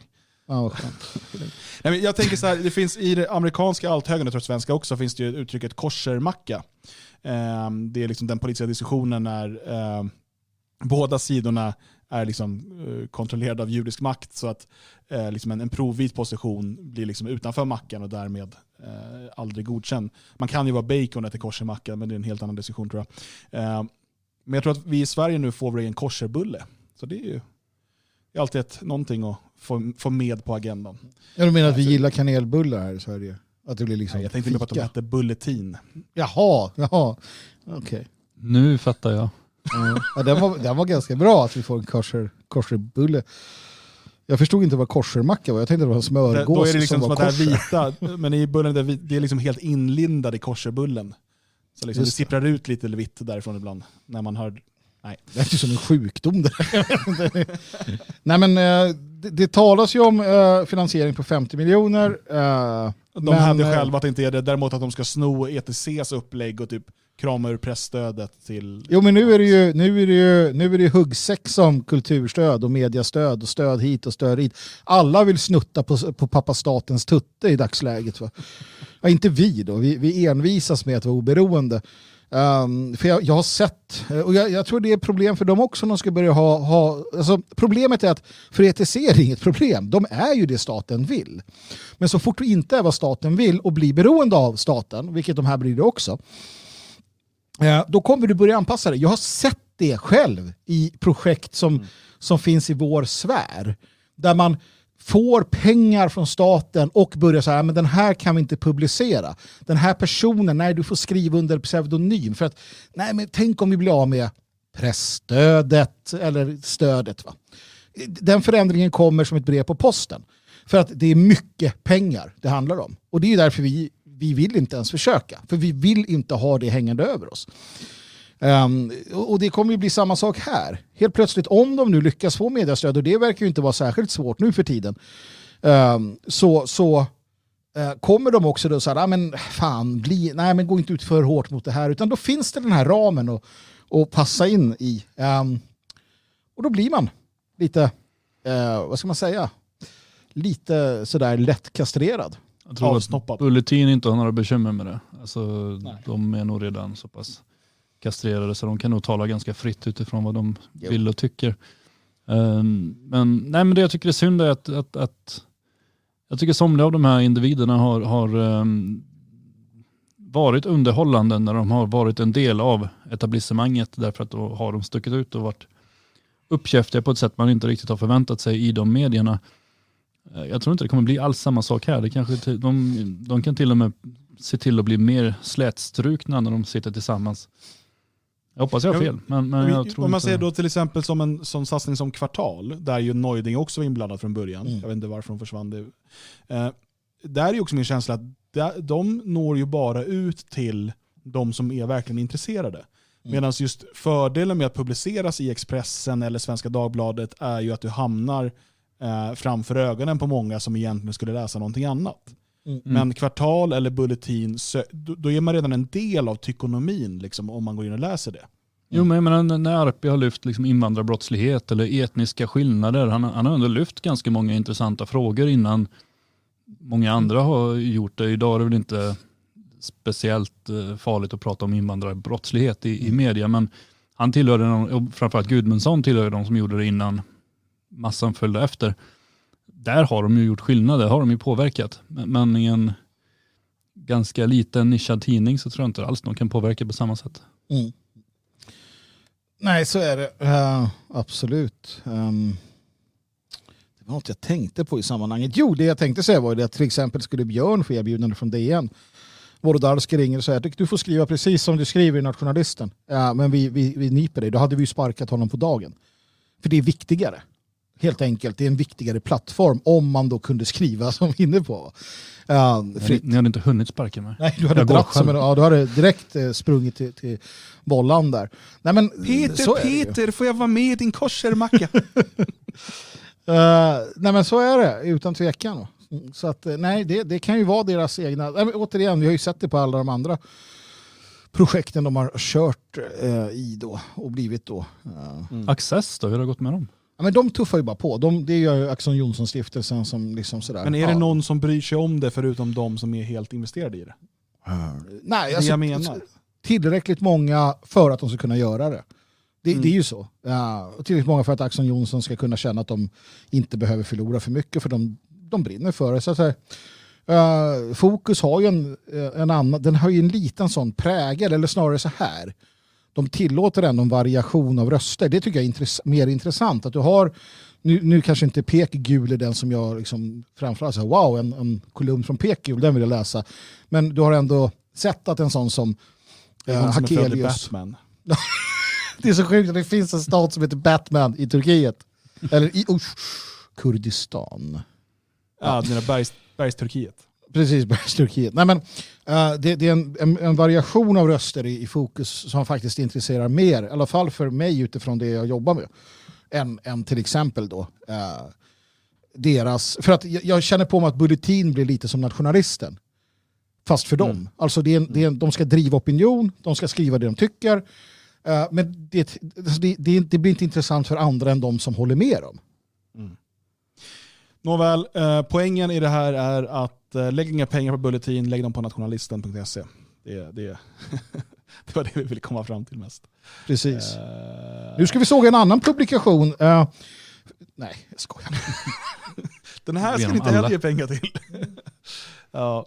Nej, jag tänker att vi ska som sista ämne idag eh, prata, jag, jag skrev på detfriasverige.se en, vad ska man kalla det för, en krönika eller någonting. Ehm, ett uttalande på, jag svarar på frågan, är allt kört? Och anledningen till det är att jag tycker att man ofta ser eh, den här typen av uttalanden i sociala medier. Ehm, och Det kan vara liksom, efter att vi har gjort ett program och det kan vara kom, liksom, kommentarer under det eller det kan vara liksom, under artiklar eller så. Liksom, allt är åt helvete, det är kört, när regeringen har kört det här landet i botten, jag ska flytta till spanska solkusten och ge upp. Typ. Um, och Det jag försökte säga med min artikel, som jag också spelade in i ljudformat för att göra det så tydligt som möjligt, var att eh, ja, om du stirrar dig blind på eh, att du tror att vi ska liksom, eh, få 51% av rösterna i nästa val eh, för att så kunna genomföra politiska förändringar, ja då är det ju kört. För att det kommer inte ske. Men den insikten, när du inser det så ska inte din reaktion vara åh det är kört, utan okej men hur ska vi arbeta då? Och det är det som jag beskriver i den här artikeln. Ändå är liksom kanske en majoritet av kommentarerna i sociala medier är att ja, det är kört. Jag antar att de inte har läst eller lyssnat på uh, artikeln då. Um, och jag, jag drar där någon, uh, jag, jag använder det här grekiska um, ordspråket. Ett samhälle växer starkt när gamla män planterar träd under vilka skugga de själva aldrig kommer få sitta. Ehm, och för att förklara liksom vikten av att tänka långsiktigt. Att nej, vi kommer inte få liksom, uppleva den stora segerns sötma, men vi måste plantera träden så att våra barn i framtiden får sitta i dess skugga. Och då kommer liksom kommentarer som eh, akta så att inte, det gäller att inte plantera för de som vill ta det ifrån oss. Och så här. Alltså hela tiden den här... Jo, men det De är tog den här hela- de- de negativa inställningen. Och jag tror det var det som du lite lackade ur på här tidigare också, Magnus. Jo, men det är ju hatten av att de ändå så kunde ta din liknelse och, så här, ord, ja, och göra den till sin så här. Jo visst, men akt om att eh, planterum un, för dem. Liksom. Man, ja, nej, det är klart. man vet ju inte liksom. Det är därför man måste, äh, vad fan, det är så dumt va? Jag vet inte. Ja, Ja men då är ju eh, ändå men- artikeln läst. Det måste man ju ändå ge dem. Att det är ju ändå lite... Läst men inte förstått. Jag tycker, jag kommer ihåg för några år sedan skrev jag någon liknande eller artikel på samma tema där om att det liksom inte var någon mening att ge upp med, med någon liknande rubrik där. Och då var det ju omedelbart, folk läste rubriken och så bara ja det är bra, det är kört, Sverige är kört. Så man bara, fan, jag ser ju motsatsen i artikeln. Så, ja, bra Björn, det är kört. Det är sån här Greta-retorik, liksom. bara, hon åker runt och ger hopp till ungdomar bara för att hon talar om att det är kört. Ja, men det, det, det är också någonting, jag tror att eh, det är det, det är det som, så defaitism är enklast. Det är ju det som man nästan vill höra. För att om du liksom bestämmer dig för att det är kört, om någon auktoritet säger att det är kört, Uh, och i det här fallet blir ju då vi auktoriteter på något sätt eftersom vi tar den platsen och vi kliver fram och visar vilka vi är och säger si och så är det. Skulle vi säga att det är kört, um, då, då kan de med gott samvete bara skita i vilket, alltså, och, och ägna sig åt liksom hedonism eller vad de nu känner för. Um, problemet är ju att vi blir irriterande eftersom vi, slu, vi vägrar säga att det är kört. Och då blir vi nästan provocerande för att ja, men liksom, ni, ska ni komma här och komma och säga att det är på ett visst sätt. Liksom. Eh, och det, det är sånt där man möter också. Liksom. Um, känner jag. Så att det, det, mm, Sen är det ju också så att eh, jag menar, den, eh, det som vi företräder och den, den strategi som vi förespråkar och så vidare, det är ju någonting som kräver ganska mycket av dig själv.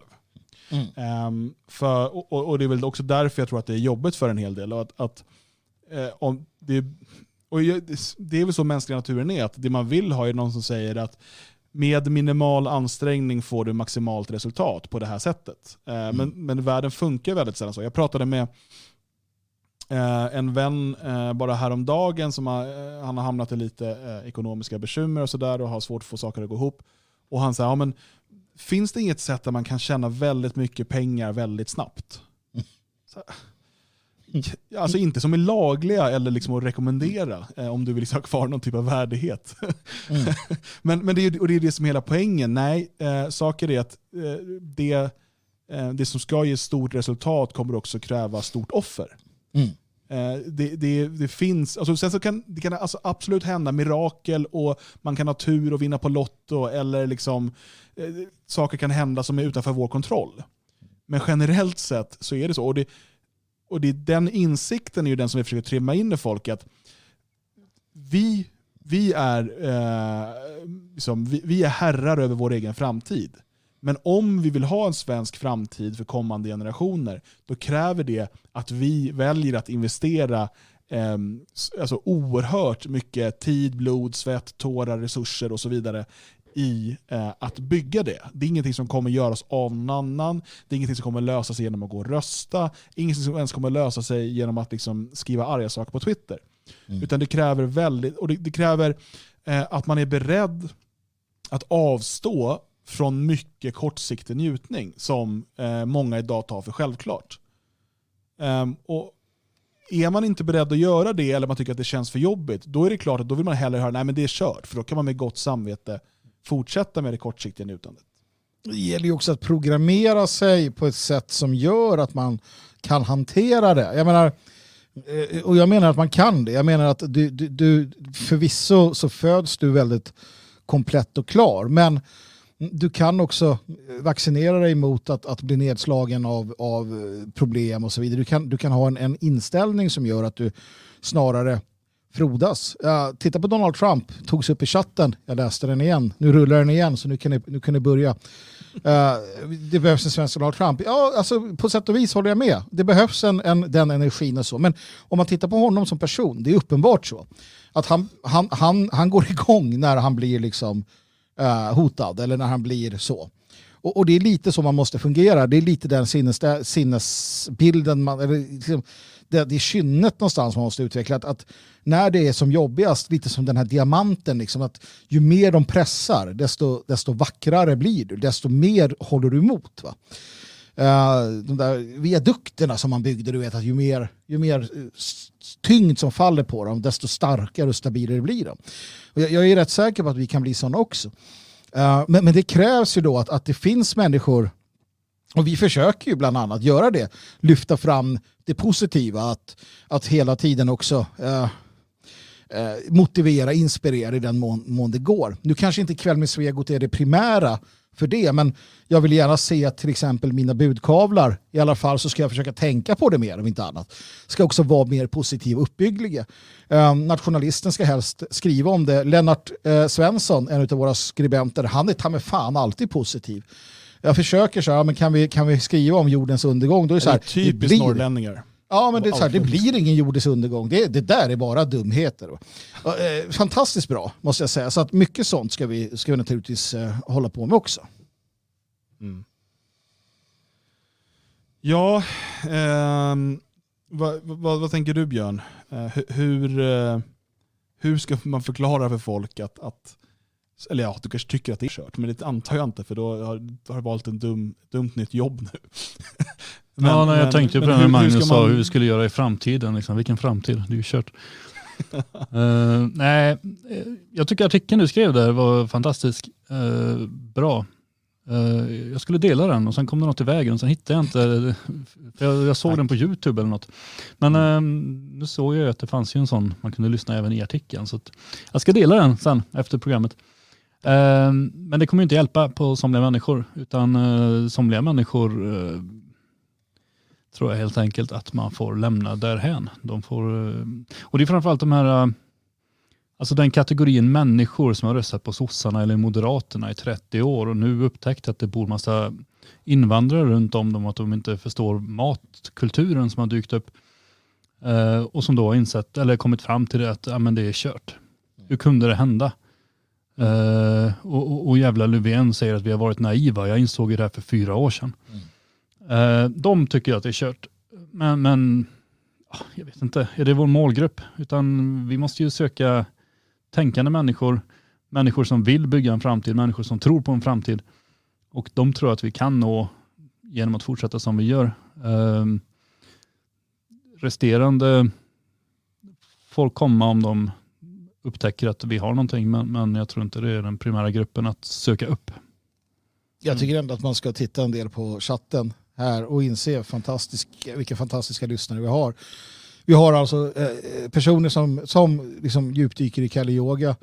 Eh, andra pratar om, eh, om eh, Gudsriket och Israel och, och, en tredje drar till med Odin rätt vad det är. Va? Och sen har vi de politiska. Alltså det, det är en underbar blandning och ganska positiva människor också. Jerusalem ska återigen bli vårt, står det här på ett tillfälle. Och så där. Alltså, det är bra, alltså, tillsammans. Eye of the Tiger fick vi ett tips om också. Fantastiskt. Lyssna på låten Eye of the Tiger när du tänker på att vi lever i Kali Yoga och Jerusalem ska fan i mig bli vårt. Samurajen är här, salve på er och Malmö, det skiter vi liksom, Alltså hur bra kan det inte bli? Uh, och här finns ju den här glöden och, och ärligt talat, du får tro på en eh, rosa snuttefilt om du tycker det funkar bra och hjälper dig till att, till att varje morgon vakna upp och så här, nu kör vi på igen för folk och land. Uh, för nation, för barnen, för liksom sådär. Eh, det spelar liksom ingen roll vad du, vad du, vad du tror på och tänker på på det sättet. Eh, och där finns, också en, eh, där finns det också en styrka att få naturligtvis. Så att, skäms inte för det, vad du nu har för tro eller avsaknad av dylik. Mm. Ja, um, nej, och, och jag var inne på någonting viktigt också Björn, innan där med om de är vår målgrupp. Jag tror att vi hade pratade förra veckan om det här äh, mejlet ifrån Felix, det här med hur vi liksom ska nå många fler genom att äh, ja, typ välkomna äh, människor som inte håller med oss. Typ, för att förenkla ni kan gå tillbaka och lyssna på det från förra veckan. och Jag tror att det där är det stora missförståndet, speciellt om man kommer från en bakgrund inom liksom, partipolitik eller man ser på förändring bara som det, liksom, om man ska maximera röstantal och så vidare. Jag tycker inte, alltså det finns ingen mening att vi ska anpassa vårt budskap eller retorik eh, för att maximera antalet människor som vill bli en del av vår gemenskap. Tvärtom bör vi ha starka och fasta principer som vi står fast vid. Eh, vi behöver inte miljoner människor imorgon för att bygga en grund eh, för fria svenskar att stå på. Det, det, det är den insikten som är så viktig. Jag tror att vi under hundra år av eh, demokrati har liksom lite grann blivit invaggade i någon falsk föreställning att det är det det handlar om.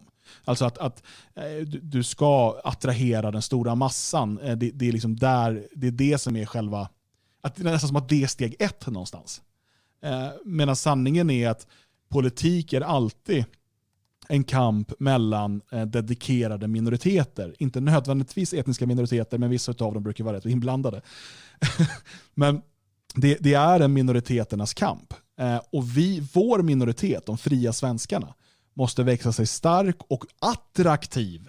Alltså vi måste vara ett attraktivt alternativ eh, till det nuvarande samhället. Först då kommer människor i större eh, liksom, nummer vara beredd att bli en del av det. Och det här kan handla om 100, 200, 300, 400 år.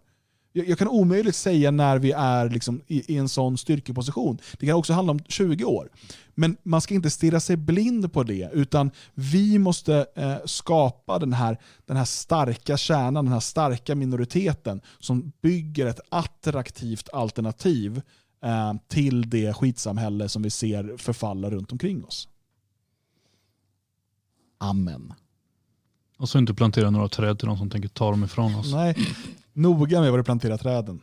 Och använd rätt typ av gödsel och sådär också. Nej men eh, så är det. Jag, jag vet inte. Eh, jag tycker att vi sammanfattar det där ett bra, Dan. Jag eh, hade en annan sak jag tänkte säga. En bra idé från chatten. Mm, berätta. Borde vi inte ha en gång i månaden kanske något sånt där liksom, Q&A som det heter va? Det var någon som säger att man skulle kunna liksom koppla in Jag vet inte om det finns tillräckligt med intresse. Liksom. Jag, jag, så här, jag tänker på de gånger tidigare vi har haft inringarprogram så har det varit första gången har det gått jättebra. Mm. Sen när det slutar man sitter där bara, är det någon som vill ringa in?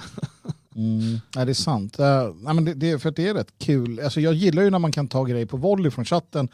Just sådana här frågor som kommer in och sådär man kan ta det. Det hade varit kanske i samband med någon sån där fredagspub som kommer vad det lider. Ja. Jo, nej, men vi, vi, kan nog hitta på någonting. Um, det är ju så också att efter nyår blir det ju mera kväll med Svegot. Vi kan inte säga så mycket mer än. Men mm. Det kommer bli mer kväll med Svegot, så det kanske kommer finnas um, tillfälle för det. Eh, jag tänker att vi ska ta avrunda det här. Ja, kört är det ju inte så att eh, vi fortsätter ju med den strävan vi har pysslat med så länge va? och fortsätter tills, eh, tills, eh, tills det är klart.